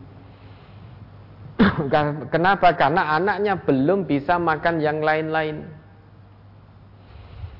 Maka ibu tadi yang menyusui boleh tidak berpuasa. Sekalipun sakjane kalau berpuasa ibu tadi kuat. Namun anaknya tidak akan mendapatkan nutrisi. Karena padahal anak itu hanya dapat nutrisi dari ASI ibunya tadi karena belum bisa makan yang lain-lain. Maka ibu boleh mengambil rukhsah dan membayar fidyah. Beda ceritanya mungkin anak sudah setahun setengah, setahun enam bulan, meski masih menyusui, namun anak sudah bisa makan macam-macam. Maka tidak ada kekhawatiran bagi ibu tadi jika berpuasa anaknya akan menderita, akan sengsara karena anaknya bisa makan yang lain-lain tidak harus dari air susu ibu. Nah, kalau memang dikhawatirkan terhadap janinnya atau anaknya yang baru eksklusif tadi. Atau pada kesehatan ibu yang hamil tadi atau ibu yang menyusui tadi. Ada ibu tadi payah sekali sakjane ya kuat. Ning disedot anake jadi lemah-lemah dan bertambah lemah maka ibu tadi boleh mengambil rukhsah tidak berpuasa dan menggantinya dengan membayar fidyah bukan lantas berarti oh saya hamil berarti harus pasti wes saya otomatis tidak puasa tidak bukan begitu hamil menyusui itu boleh puasa.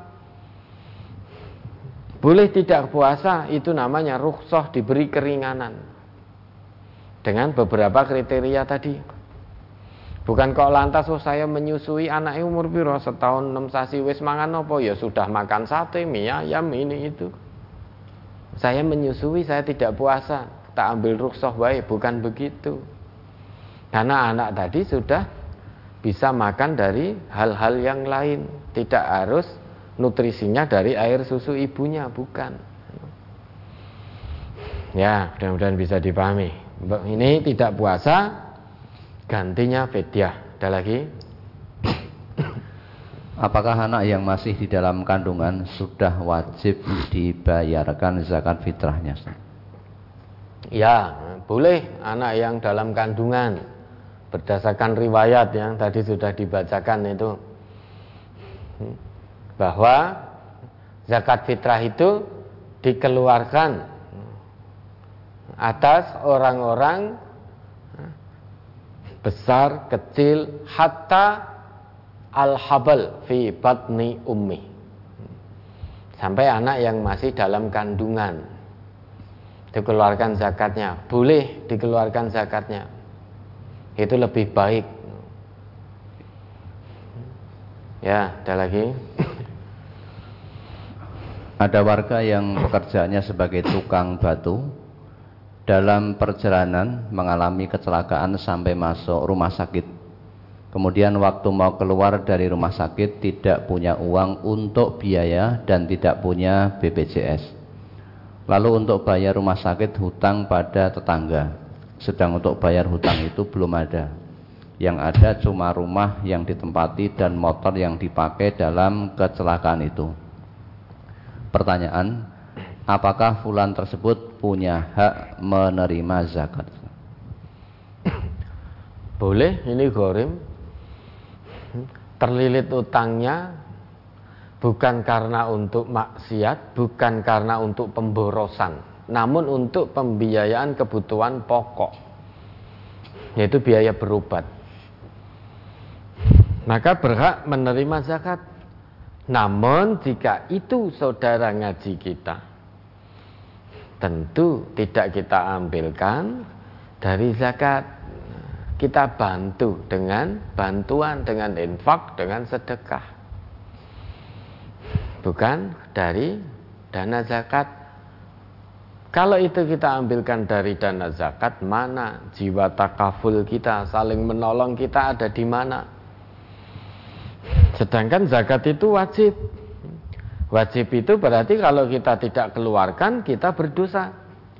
Padahal saudara muslim kita, saudara ngaji kita butuh untuk pembiayaan berobat. Dan betul-betul tidak mampu wong tadi kecelakaan, tidak bisa kerja, nggak ada pemasukan.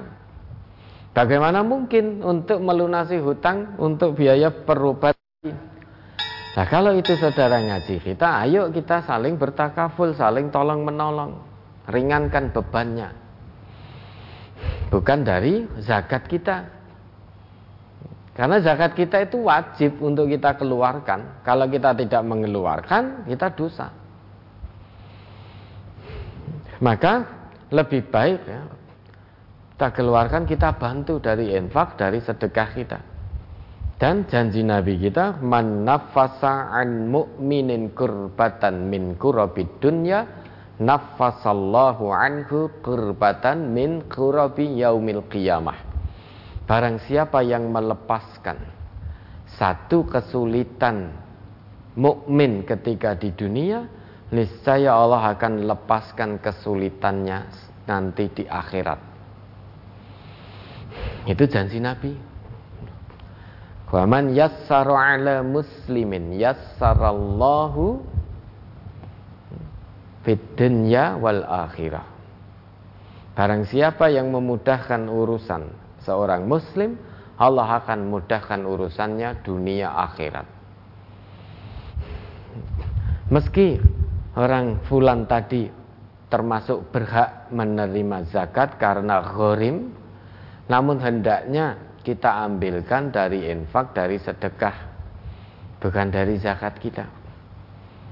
Bukan berarti tidak boleh, boleh. Zakat langsung kita serahkan itu boleh. Sekarang kebutuhannya 15 juta.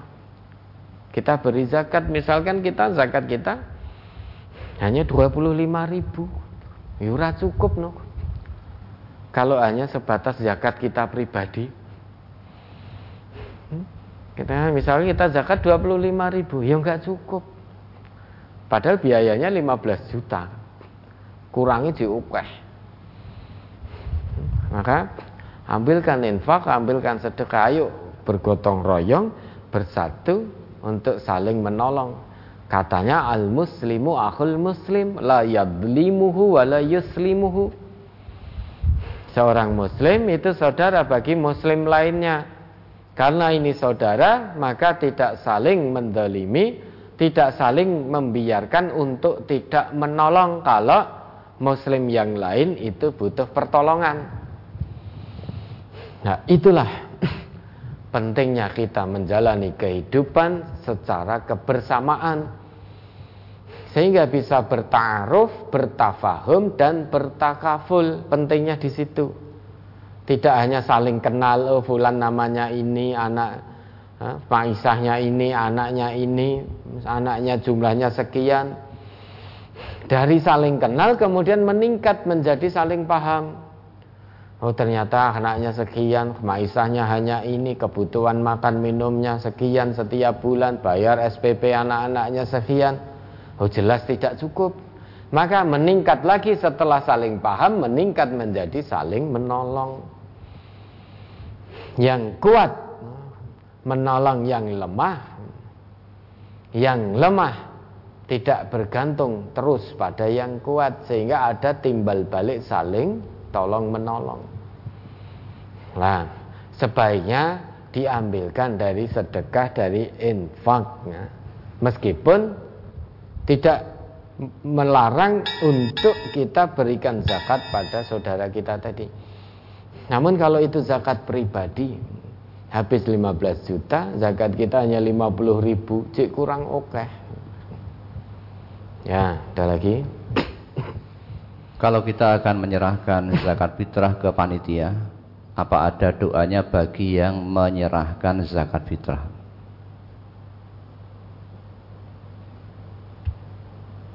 Apa ada doanya bagi yang menyerahkan zakat fitrah? Yang menerima, ya tahu? Kalau yang menerima itu doanya, misalkan saya mau keluarkan zakat, saya titipkan pada Ustadz Ghazali maka Ustadz Ghazali itu mendoakan. Mendoakan siapa? Mendoakan saya. Allahumma salli ala ali Khalid kan gitu. Ya Allah berilah selawat kepada keluarganya Khalid. Jadi orang yang menerima itu menerima zakat itu ada doanya. Kalau yang menyerahkan saya belum tahu. Kalau yang menyerahkan saya belum tahu dulu bapaknya Abu Aufa itu ketika datang titip menyerahkan zakat kepada Nabi, Nabi mendoakan Allahumma salli ala ali Abi Aufa. Ya Allah berilah solawat kepada keluarganya bapaknya Aufa. Berilah solawat kepada keluarga bapaknya Aufa kan gitu. Nah, yang menyerahkan saya belum tahu ada doanya apa belum. Yang jelas yang menerima yang ada doanya. Ada lagi? Di majelis ada program pengangkatan anak yatim. Dalam hal ini, bila kita menanggung satu orang anak yatim, walaupun saat ini kemampuan kami hanya baru menanggung biaya hidup satu orang anak yatim, tetapi kami memang tidak tahu secara jelas siapa nama anak yang kami tanggung. Apakah juga kami mempunyai kewajiban menanggung zakat fitrah tersebut? Ya, itu berarti anak yatim itu berada dalam tanggungan panjenengan. Memang program majelis siapa anak yatim yang ditanggung? Ya sesuai data itu anak yatimnya lah nanti akan kita salurkan. Meski kita tidak tahu siapa anak yatim yang sedang dalam tanggungan kita. Maka kita tetap menanggung zakat fitrahnya. Kita tanggung zakat fitrahnya. Itu lebih baik. Sudah toh yakin toh? Udah enggak ya kelong dan hartanya tidak mungkin. Mana kosot sodakotun min malin. Nah, tidak pernah sedekah yang ikhlas karena Allah itu kok mengurangi harta itu tidak pernah ada ceritanya. Dan kata Nabi kita ana wakafilil yatim hakada. Hmm, begini loh. Kata Nabi kita aku itu Nabi dan orang-orang yang menanggung kebutuhan anak yatim hakada berarti orang yang memperhatikan anak yatim kebutuhan anak yatim itu nanti di surga dekat sekali dengan Nabi. Masa kita nggak nggak kepingin dengan janji Nabi itu? Jadi ada anak yatim yang bukan dari keluarga mampu. Artinya fakir miskin. Kita perhatikan kebutuhannya meski ya, bukan anak kita sendiri. Oh, itu anak yatim berarti anaknya orang lain. bapaknya sudah tidak ada. Kita perhatikan kebutuhannya dijanjikan oleh Nabi akan bersama Nabi di surga dekatnya seperti ini. Dekat sekali dengan Nabi. Masa tidak kepingin? Katanya cinta Nabi katanya cinta Rasul katanya suri toladannya Rasul. Masa mendapat janji dari Nabi kelak dekat sekali bertempat bersama Nabi seperti ini masa kita tidak kepingin Ya, tidak usah eman-eman. Kalau memang diberi kemampuan oleh Allah menanggung satu anak yatim, sekaligus zakat fitrahnya ditanggung. Ya. Insya Allah nanti akan mendapatkan janji dari Nabi tersebut. Asal ikhlas lillahi ta'ala. Ya, ada lagi? Kami mendengar untuk menyempurnakan puasa Ramadan adalah mengeluarkan zakat fitrah bagi yang mampu. Begini Ustadz, kami punya orang tua, yakni ibu, posisi sudah tidak kerja menjadi tanggungan kami.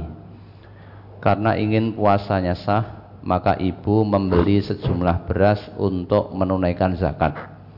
Di kemudian hari, di desa setempat kami, nama ibu tertulis di golongan orang yang menerima zakat karena status janda.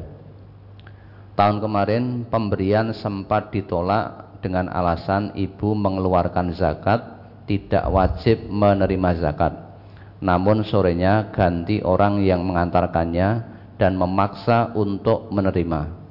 Pertanyaan, apakah ada hadis atau bagaimana hukumnya kalau ditolak pemberian zakatnya dan dijelaskan ilmu, uraiannya panjang dan berbalik mengira memutuskan persaudaraan.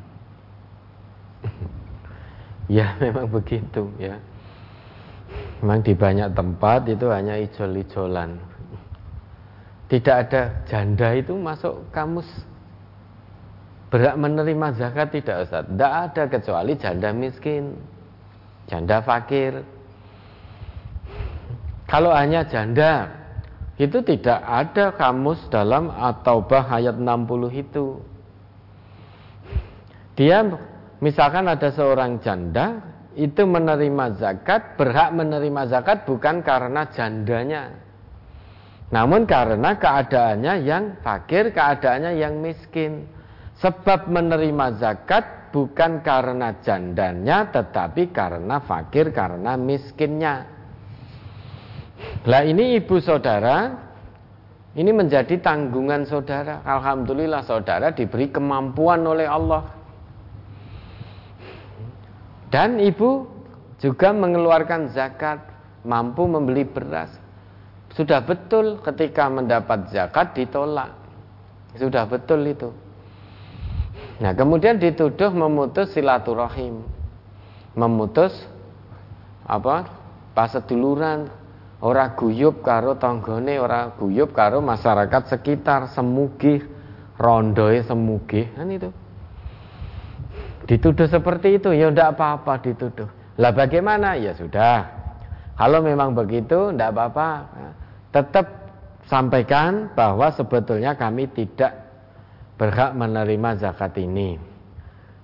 Tapi kalau memang ini tetap dipaksa menerima, tetap kami terima, nanti akan kami salurkan kepada yang berhak. Dah sampaikan itu dengan cara yang santun. Insya Allah nanti akan dipahami. Tetap jenengan terima, tapi sampaikan. Kalau tidak disampaikan nanti tidak timbul fitnah. Ini kami terima, namun biar bagaimanapun kami tidak berhak mendapatkan ini dan nanti mohon izinnya saya salurkan kepada yang berhak menerima. Begitu. Ada lagi? Masih berkaitan dengan boleh menerima pemberian yang tidak meminta. Hadis terakhir tentang pemberian tersebut apakah bisa menjadi dasar untuk menerima semua pemberian? Misalnya uang saku untuk jihad kemajlisan atau paket kemerdekaan dan sebagainya. Uang saku jihad kemajlisan. Misalnya piket majelis disangoni gitu toh ya dapatnya hanya itu. Tapi itu tidak berlaku. Di MTA ini kalau kita jihad visabilillah ya bil ambal bil anfus. Masa iya? Kita mau ngisi pengajian misalkan yang guru-guru daerah. Ngisi pengajian. Terus ngarani sangune. Kalau tidak sekian tidak berangkat ya tidak boleh gitu. Karena untuk mengajarkan Quran ini tidak boleh kita minta upah. Upah kita hanya dari Allah. Wa ma as'alukum min ajr. Wa ma as'alukum alaihi min ajr. In ajriya illa Allah rabbil alamin. Upah kita hanya dari Allah.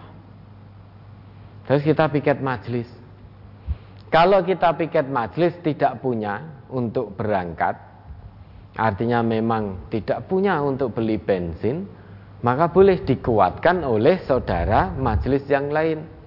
Untuk piket datang ke sini misalkan, namun tidak punya ongkos untuk beli bensin biar sampai ke sini, misalkan dari luar kota, dari jauh.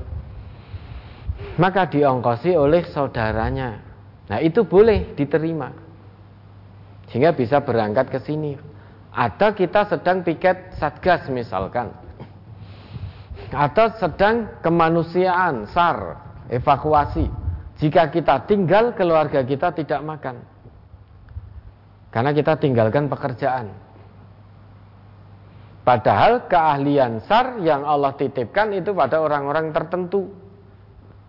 Tidak bisa mau evakuasi yang sudah dilatih SAR evaku, evakuasi laka air misalkan sudah diberi pelatihan fulan kebetulan fulan tidak bisa berangkat.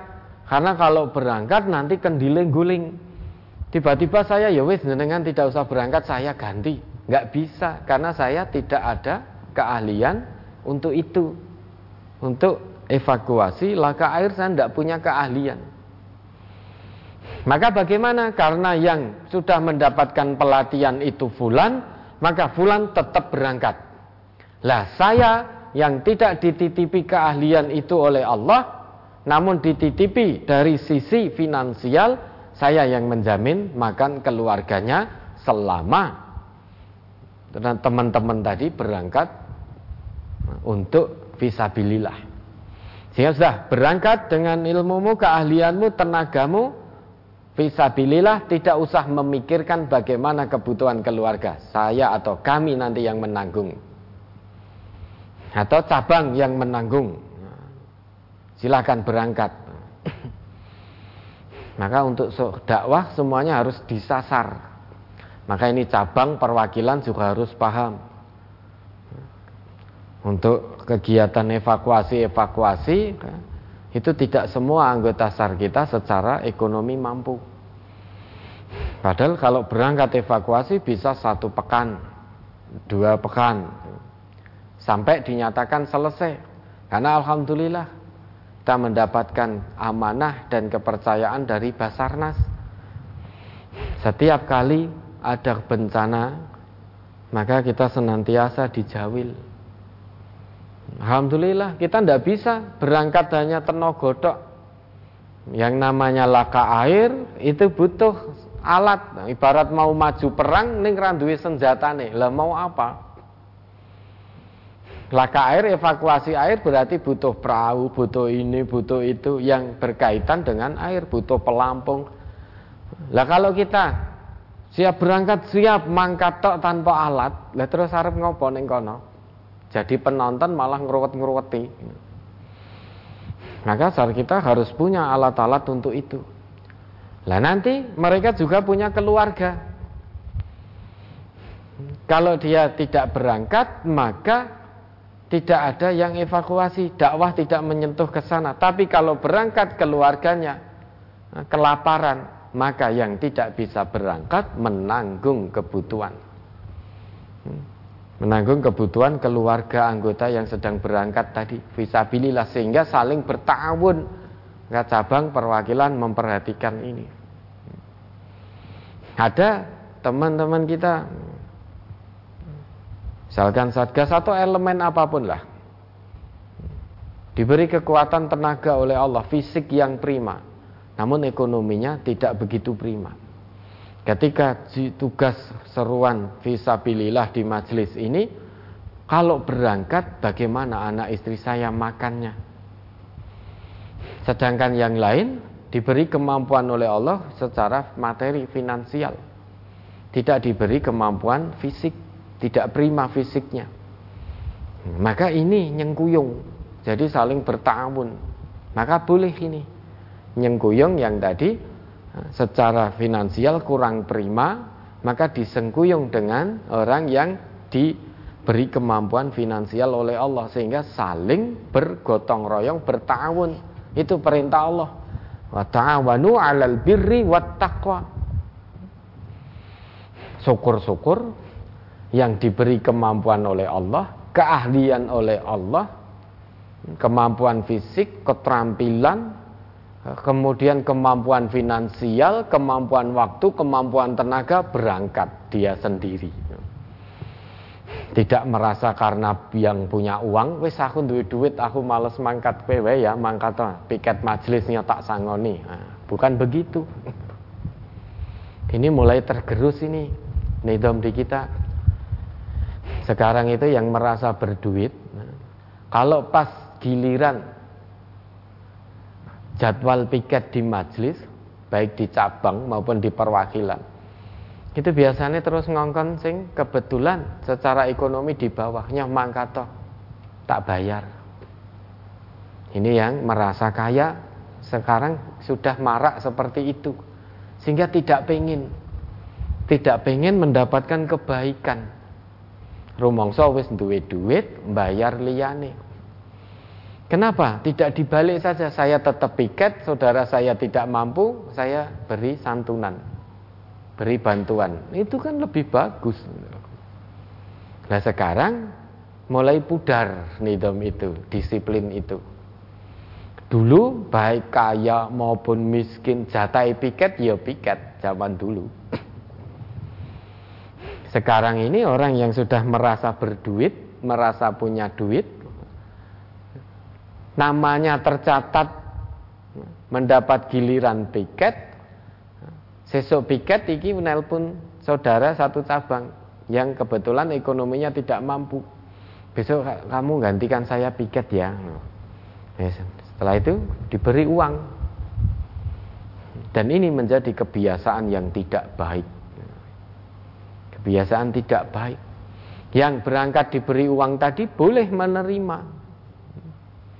Tetapi ini kebiasaan yang tidak baik. Kenapa yang merasa kaya, merasa berduit tadi, waktu piket, toh waktu 24 jam sudah habis sekian lama untuk dia bekerja. Piket itu tidak mungkin, tidak mesti sebulan, dua bulan sekali.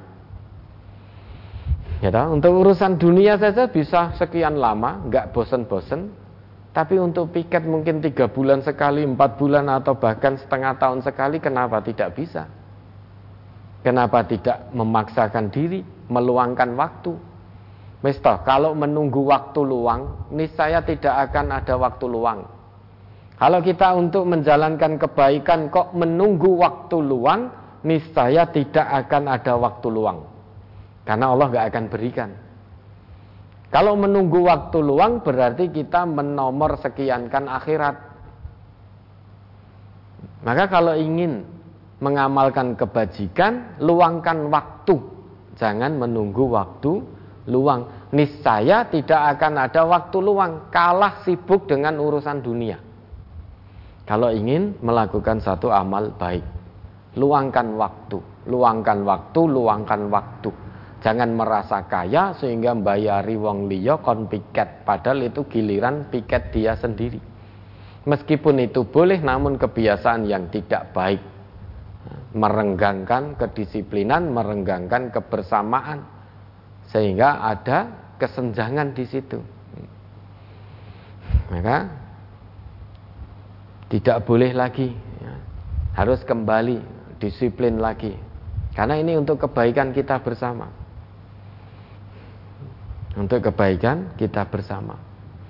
Kalau memang tahu saudaranya kurang mampu, jangan memberi bantuannya. Kue mangkat topikan ganteni aku ya, engkau tak kayak duit. Jangan begitu. Memberi syarat berarti. Mau membantu memberi syarat asal mau menggantikan kita piket baru dikasih bantuan. Itu berarti memberi syarat. Kesimpulannya kalau tidak menggantikan maka juga tidak diberi bantuan. Kenapa tidak diberi bantuan dan piketnya kita yang berangkat? Itu kebaikan demi kebaikan kita dapatkan. Ya, tapi terkadang manusia itu kebaikan yang dijanjikan oleh Allah oleh Rasul itu banyak yang tidak kepingin. Banyak yang tidak kepingin karena menganggap sebagai beban. Nah, berarti tidak yakin dengan janji Allah, tidak yakin dengan janji Rasulullah. Ya boleh kalau memang kondisinya betul-betul tidak mampu untuk nah, visabilillah kemajlisan maka bisa disengkuyung oleh saudara-saudara yang lain yang kebetulan memang diberi kemampuan finansial oleh Allah. Kecuali kalau jenengan ngisi atau menyebarkan ayat-ayat Allah tuntunan agama ini maka tidak boleh menerima itu. Karena kalau menerima itu ya dapatnya hanya itu. Karena Nabi itu ketika menyebarkan Al-Quran tidak mengharap upah apa pun dari manusia kecuali illal mawaddah fil qurba kasih sayang dalam kekeluargaan. Upahnya itu. Upahnya kasih sayang dalam kekeluargaan. Upahnya dari Allah Tuhan semesta alam bukan dari manusia. Maka kalau ada guru daerah-guru daerah di MTA ini yang ngarani, ngisi di daerah sana kok ngarani, sebelumnya telepon dulu. Oh saya minta ini, minta itu, minta ini. Kemudian ngarani sangune juga, minta sangu, wes copot dari guru daerahnya. Kasihan karena nanti dapatnya hanya itu. Tidak akan dapat apa-apa di hadapan Allah. Maka tidak boleh ada satupun guru daerah di MTA ngisi pengajian di daerah kok ngarani minta upah meski bukan wujud uang meski secara langsung atau dengan sindiran itu tidak boleh misalkan sindirannya oh itu sekarang di sana usum apa ya? Musim apa ya? Oh itu bagus ya kalau daerah sana. Itu tasnya sepatunya itu bagus ya ciri khasnya di sana. Itu ngarani. Cabang atau perwakilan yang mendengar seperti itu oh langsung pasti dicarikan nanti dicarikan dan jangan pernah minta oh saya ingin mampir ke sini saya ingin mampir ke mall ini kalau mampir ke situ mesti diantar itu dari cabang dari perwakilan nah nanti jenengan beli apa mesti cabang dan perwakilan yang bayar. Kalau ada yang hobinya seperti itu, maka berhenti dari guru daerah. Nah ini ya, cabang perwakilan yang menyimak kajian ini, kalau ada guru daerah yang aneh-aneh kaya ngono kuwi, segera konfirmasi ke pusat. Nah, konfirmasi ke pusat, laporkan ke pusat.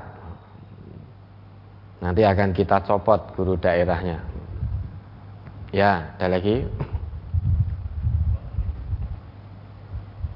Mohon dijelaskan untuk konsumsi orang yang iktikaf Apakah selama iktikaf sudah bawa bekal untuk sahur dan buka? Kalau masak sendiri di masjid belum tentu ada dapur Kalau beli makanan keluar apa iktikafnya batal? Kemudian jika ada warga sekitar masjid yang memberi makan buka dan sahur apa boleh Itu teknis saja. Ya. Kalau masak masjid tidak ada dapurnya, ya teknis sedang sahur dan buka itu harus makan. Bawa bekal sendiri juga boleh, neng bet 10 dino ora mampu. Kalau bawa bekal sendiri. Ya toh? Maka kalau mau iktikaf itu dipersiapkan dulu Ya, jangan asal itikaf, persiapkan dulu dengan matang, dengan baik. Ya. Bisa pesan pada istrinya nanti untuk mengantarkan makanan ke situ. Bisa pesan pada keluarganya, saya mau iktikaf. Ya. biar tidak repot dengan urusan makan minum, mohon nanti setiap hari antar makanan untuk sahur untuk buka. Nah kalau tetangga sekitar memberikan makan minum untuk sahur untuk buka boleh, boleh. Atau pesan pada keluarganya untuk mengantarkan setiap hari di situ, itu boleh. Yang namanya keluar untuk wala yakhruja li hajatin illa lima la minhu berarti makan sahur, minum sahur, buka itu juga satu hajat yang memang harus kita lakukan. Maka kalau memang betul-betul tidak memungkinkan di masjid itu, saat sahur, buka, kita keluar, itu diperkenankan. Itu sesuatu yang memang harus kita lakukan. Maka dipersiapkan semaksimalnya. Kalau bisa, minta pesan pada keluarganya. Untuk diantar. Kalau tidak bisa, masyarakat sekitarnya. Kalau tidak bisa, nah, dirembuk, diprogram dengan baik sesama rombongan iktikaf itu dirembuk dengan baik bagaimana nanti. Insya Allah akan ada jalan keluar. Kalau memang maksimal tidak bisa betul harus keluar ya tidak masalah. Diperkenankan. Karena makan minum juga termasuk sesuatu yang sangat-sangat penting untuk kita lakukan. Untuk sahur untuk buka. Ya ada lagi?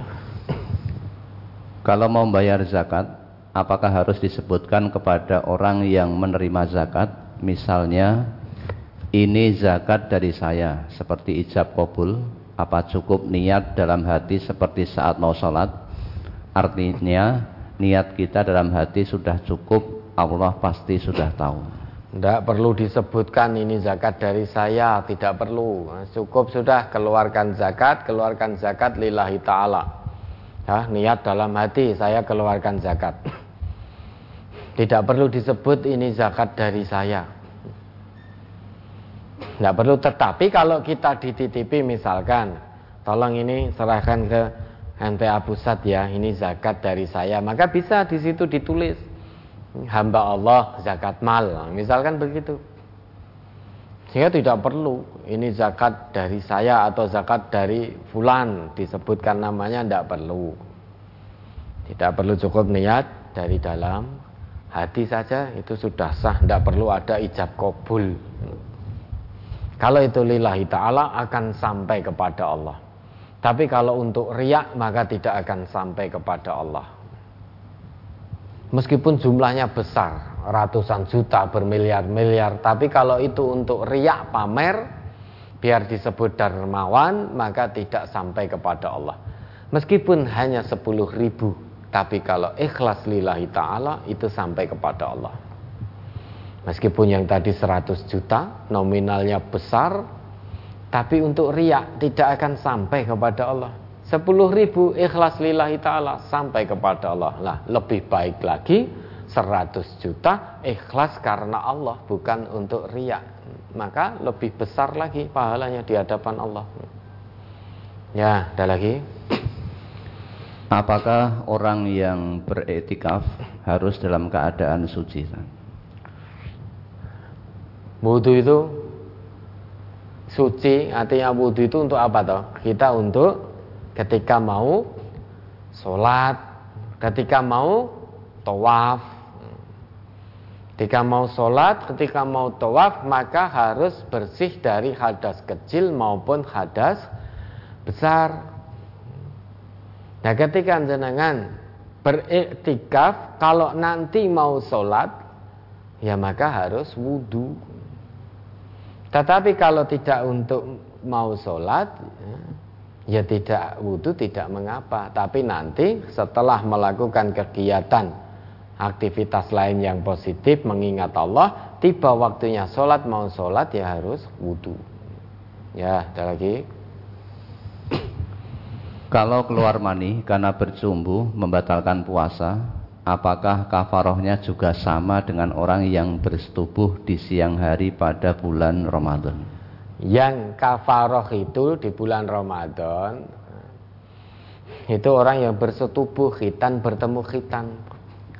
Nah, yang bercumbu itu tidak ada, tidak ada tidak ada kafaroh ini. Tetapi jika dia ingin berpuasa sepanjang masa, niscaya tidak tidak mencukupi karena dia sengaja bercumbu. Berarti sengaja batal.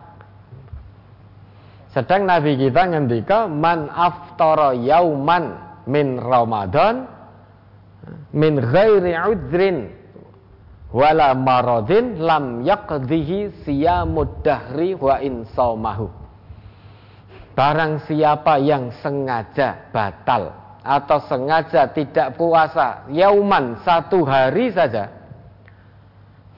bila udrin tanpa sebab yang dibenarkan oleh agama wala maradin atau tanpa sebab sakit lam yaqdihi siyamud dahri wa insaumahu niscaya di niscaya tidak akan mencukupi puasa sepanjang masa untuk mengganti satu hari yang sengaja tadi meski dia sangat ingin menggantinya memang karena itu tidak persetubuhan maka tidak terkena kafaroh puasa dua bulan berturut-turut namun ternyata mau diganti dengan puasa sepanjang masa tidak bisa. Karena itu sengaja bercumbu berarti sengaja batal. Sengaja batal. Sedangkan Nabi tadi sudah ngendiko barang siapa yang tidak puasa artinya menyengaja ya menyengaja tidak puasa sekarang saat ini puasa terus kemudian sini ada minuman saya sengaja minum bukan karena lupa bukan karena sakit, tapi saya sengaja minum, berarti saya sengaja batal.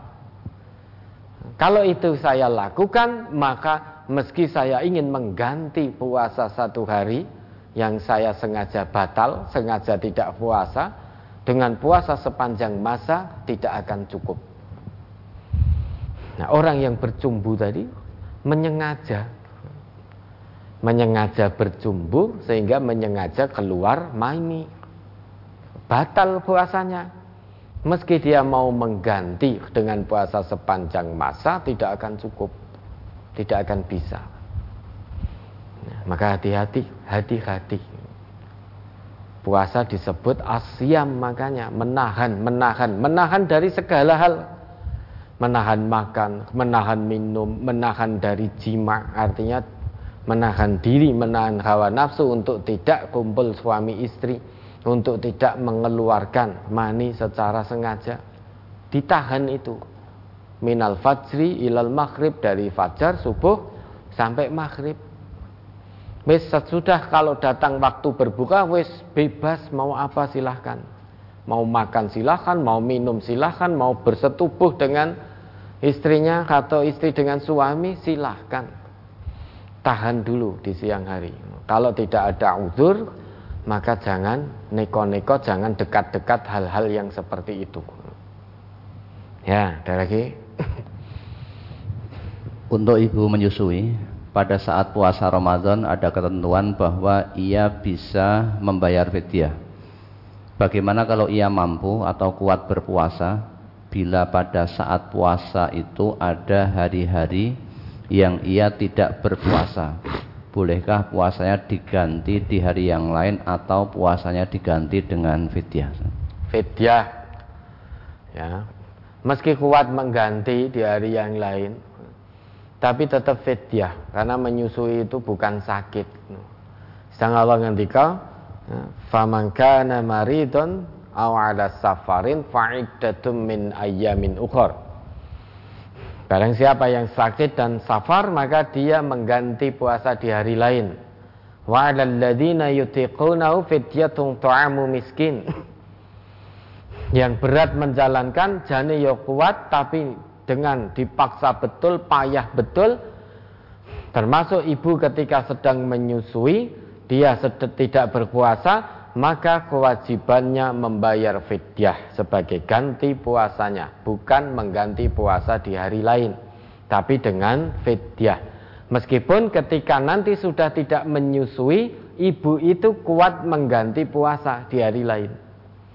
Namun saat dia meninggalkan puasanya, mengambil rukhsah, pada saat itu sedang menyusui sehingga tidak mampu untuk berpuasa. Maka wajib fidyah, bukan mengganti puasa di hari lain. Sekalipun ketika sudah tidak menyusui, kuat untuk berpuasa. Ya, ada lagi. Ada suatu keterangan bahwa orang yang tidak mengeluarkan zakat fitrah maka saumnya bergantung antara bumi dan langit. Benarkah demikian? Dan apakah zakat fitrah itu termasuk ke dalam golongan zakat mal? Ini mohon penjelasan. Yang pertama saya tidak tahu itu. Saumnya bergantung antara bumi dan langit itu maksudnya apa? Hmm, maksudnya diterima atau tidak puasanya gitu toh? Orang yang mampu kemudian tidak mengeluarkan zakat fitrah, dia berdosa. Jangankan tidak mengeluarkan. Dia mampu tapi mengeluarkan zakat fitrahnya sesudah sholat id didirikan. Bukan apa-apa sesudah sholat id didirikan. Maka dia berdosa. Karena tidak menjalani ketentuan syariat. Ketentuan syariat itu kewajibannya mengeluarkan zakat fitrah paling lambat sebelum sholat itu didirikan. Kalau sesudah dibayarkan sesudah sholat itu itu sedekah biasa. Lah, sedekahnya pemberiannya itu dihitung sedekah biasa, sedangkan pengeluarannya sesudah sholat id dia dihitung dosa. Perkara puasanya diterima atau tidak bagi yang tidak membayar zakat fitrah wallahu a'lam. Namun yang jelas kalau dia mampu dan tidak mengeluarkan zakat fitrah dia berdosa. Apakah zakat fitrah itu termasuk zakat mal? Beda. Zakat fitrah itu kita memberi makan. Ya, artinya membayar zakat fitrah dengan biasa yang kita makan ukurannya dua setengah kilo atau tiga liter. Zakatul fitri. Aslinya kan zakatul fitri. Zakat fitrah itu yang mempopulerkan Ibnu Abbas. Aslinya zakatul fitri. Zakatul fitr al fitr fitri. Itu waktu pertama kali kita makan sesudah puasa itu namanya fitr Zakat itu kita mengeluarkan sesuatu dengan tulus ikhlas dan bisa mensucikan harta kita dan jiwa kita saat kita mengeluarkan zakat itu dengan tulus ikhlas. Al-fitri itu adalah waktu pertama kita makan sesudah puasa, itu namanya fitr. Maka sarapan itu disebut fatur. Maka zakatul fitr itu memang zakat yang dikeluarkan untuk eh, memberi makan. Jadi dari bahan makanan pokok kita mengeluarkan zakat itu sesuai bahan makanan pokok yang kita makan sehari-hari. Kalau kita makan kualitas A, maka tidak diperkenankan kita mengeluarkan zakat dengan makanan pokok beras kualitas B. Padahal yang kita makan kualitasnya yang A. Sehingga zakat fitrah itu adalah zakat yang kita bayarkan, kita keluarkan berdasarkan dari bahan makanan pokok daerah setempat. Kalau daerahnya makanannya roti, gandum, maka keluarkan zakatnya gandum. Gandum kualitas A yang bisa biasa dimakan keluarganya, maka zakat fitrahnya keluarkan sesuai kualitas yang biasa dimakan. Kalau zakat mal itu semua, bukan hanya makanan pokok, tapi zakat harta benda kita itu zakat mal. Kalau zakat fitrah, zakat yang kita keluarkan berdasarkan hmm, makanan pokok yang kita makan. Ya, mudah-mudahan bisa dipahami. Ada lagi? Berikutnya, bagaimana bila saya beriktikaf di 10 hari terakhir dengan cara hanya setiap malam saja, tidak full 10 hari, dan saya laksanakan iktikaf itu di musola, apakah itu juga termasuk iktikaf? Kalau itu di bulan Ramadan, ya. dengan puasa iktikaf dinamakan iktikaf ya harus dengan siang harinya, dengan puasa juga. Ya toh? Itikaf malam harinya apa boleh ya silahkan bisa saja. Boleh saja, namun kesempurnaan iktikaf yang dilakukan oleh Nabi 10 hari terakhir tidak kita dapatkan tidak kita dapatkan. Kalau kita ingin mendapatkan kesempurnaan iktikaf di 10 hari terakhir bulan Ramadan sebagaimana yang dilakukan oleh Nabi kita. Maka tidak hanya malam saja. Kalau mau iktikaf 10 hari terakhir ya sudah. Iktikaf pagi, siang, sore, malam. 10 hari terakhir. niscaya akan mendapatkan kesempurnaan iktikaf sesuai dengan yang dilakukan oleh Nabi. Maka kalau warga iktikaf, kalau mau iktikaf, ya, iktikaf 10 hari terakhir bulan Ramadan full iktikaf. Kecuali nanti jadwal-jadwal kajian izin keluar dari tempat iktikafnya. Karena ngaji juga disebutkan dalam Quran, tadabbur Quran itu juga disebutkan dalam Quran. Itu juga penting. Maka kalau saudara mau iktikaf, usahakan full, tidak hanya malam saja. Bukan berarti tidak boleh, bisa, boleh, karena iktikaf itu minimal satu malam. Berdasarkan apa yang disampaikan Nabi kepada Umar ibnul Khattab tadi. Namun jika ingin mengikuti Nabi 10 hari terakhir bulan Ramadan full iktikaf. Apakah di musola bolehlah? Saya tanya dulu musola itu digunakan untuk sholat didirikan sholat wajib lima waktu dan sholat Jumat atau tidak? Kalau di situ didirikan sholat wajib lima waktu dan juga sholat Jumat, maka boleh silahkan.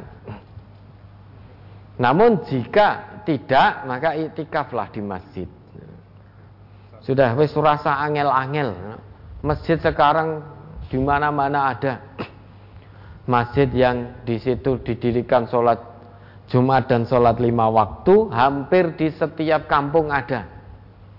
Wis rasa neko-neko, wes ndak usah angel-angel, ada sitik rapopo, wes. Namun itu masjid yang di situ lima waktu dan sholat Jumat. Nah ini musola jangan-jangan musola rumahnya sendiri. Hmm? Jangan-jangan musola kan ada rumah kayak musola sitik ini. Jangan-jangan itikaf di situ. Ya itu tidak itikaf di situ. Tentu di situ tidak didirikan sholat Jumat. Ya, yeah. ada lagi.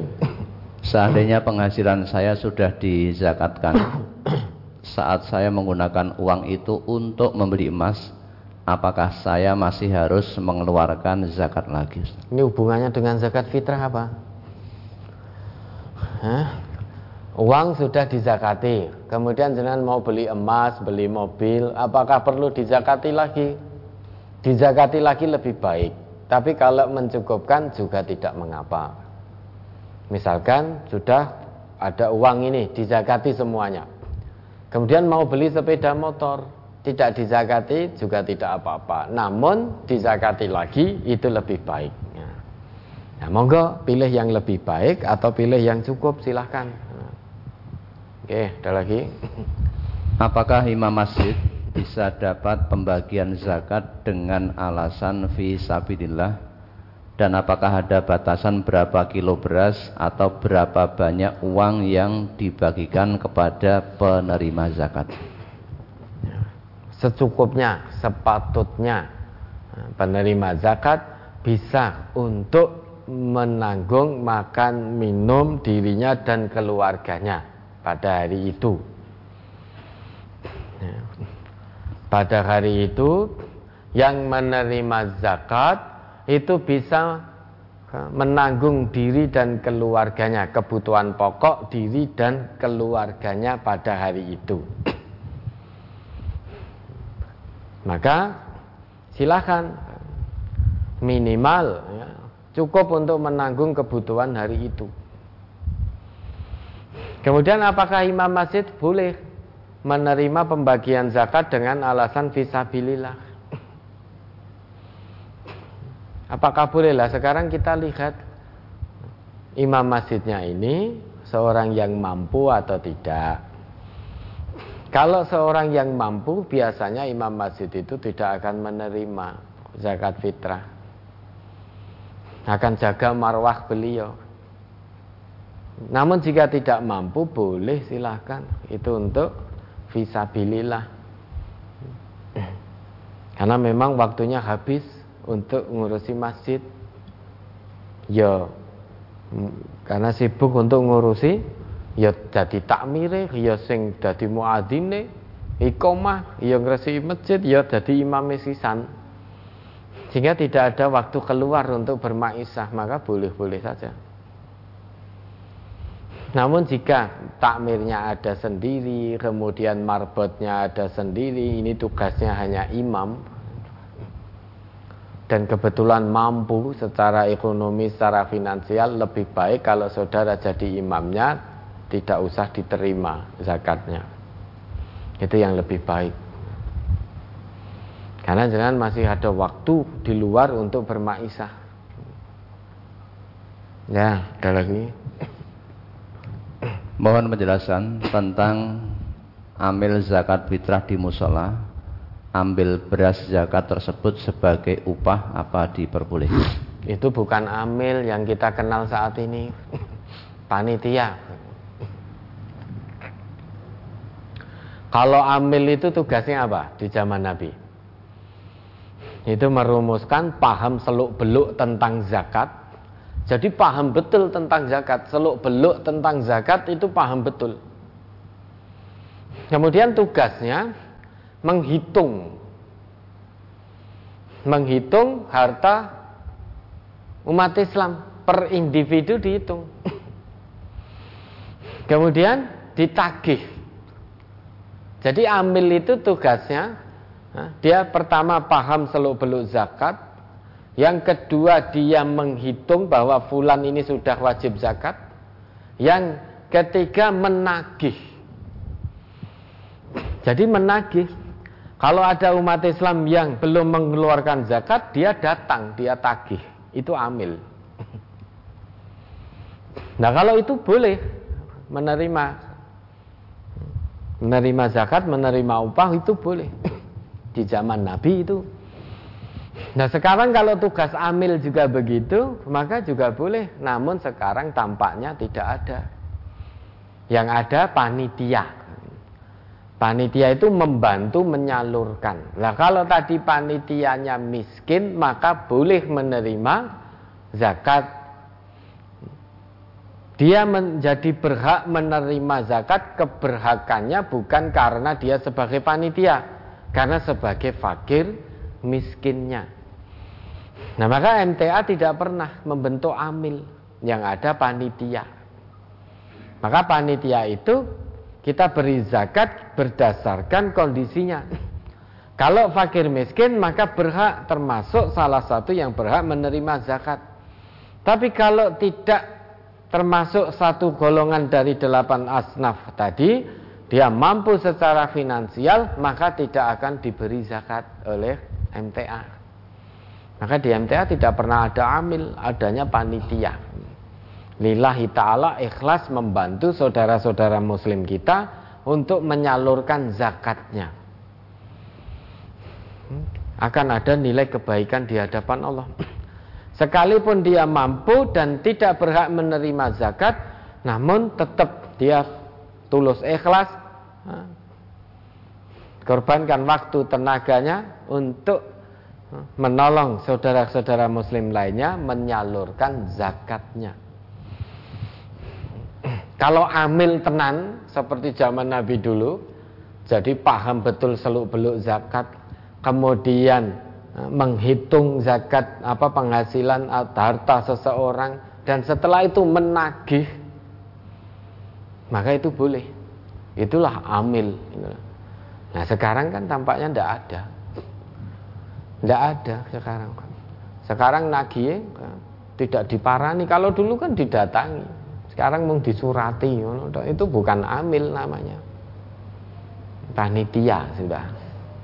Kalau panitia dia mampu ekonomi maka tidak berhak menerima zakat maupun upah. Upah yang diambilkan dari zakat itu. Ya, ada lagi? Sudah, cukup. Masih banyak? Masih. Tentang zakat lu ya, masih banyak? Ya, zakat dan sekitar puasa. Ya, padahal Tinggal berapa kali kita jihad pagi? Jihad pagi. Tinggal besok sekali. Atau dua kali. Tinggal satu kali. Dua atau satu di bulan Ramadan ini? Dua, dua. Masih dua. Tanggal dua. Ya, mudah-mudahan bisa terselesaikan yang kaitannya dengan sekitar Ramadan kalau memang kodarullah selesainya nanti selepas bulan Ramadan, yaitu sebagai pengetahuan bekal ilmu kita menghadapi Ramadan berikutnya. Ya.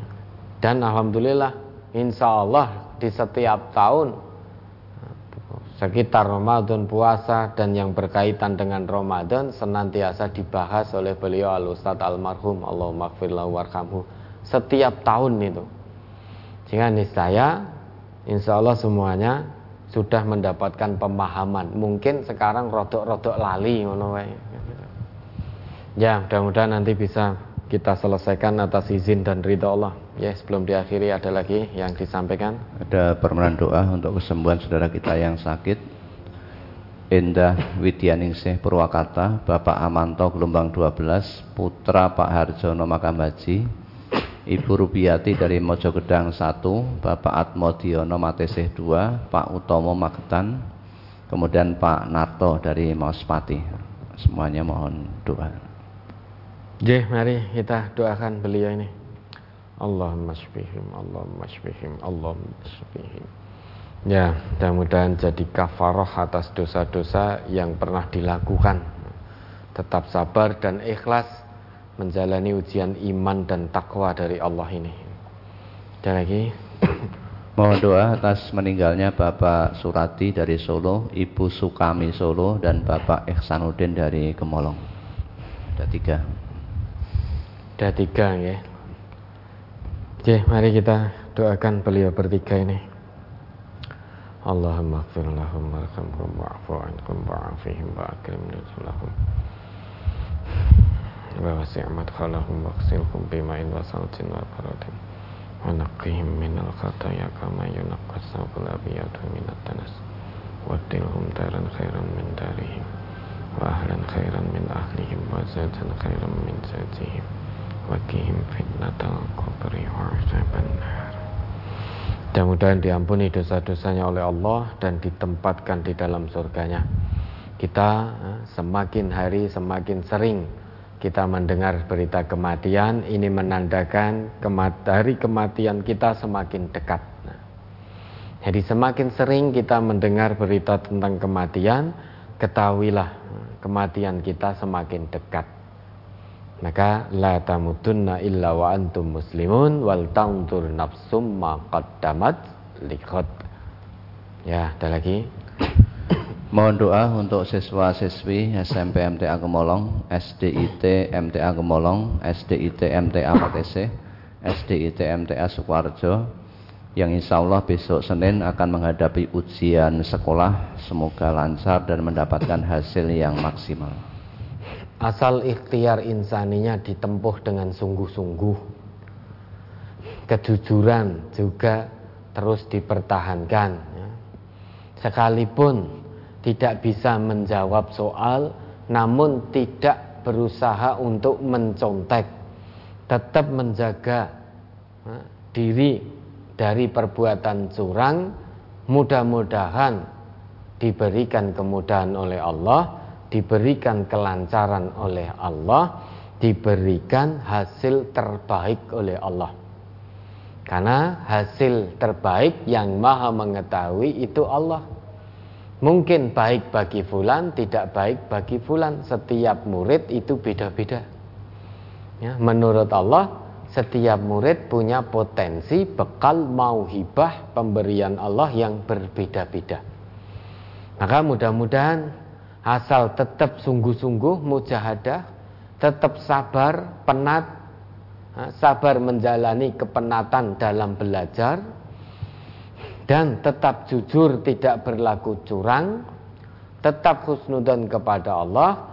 Mudah-mudahan Allah melancarkan memudahkan serta meridhoi anak-anakku yang akan menempuh ujian sekolah besok hari Senin. Yang penting usaha ditempuh dulu baik insani maupun ilahi belajar tempuh maksimal setelah itu doa pada Allah mohon kepada Allah Nah, kalau sudah maksimal insaninya dan ilahinya, habis itu tawakal kepada Allah. Faida azamta fatawakal Allah.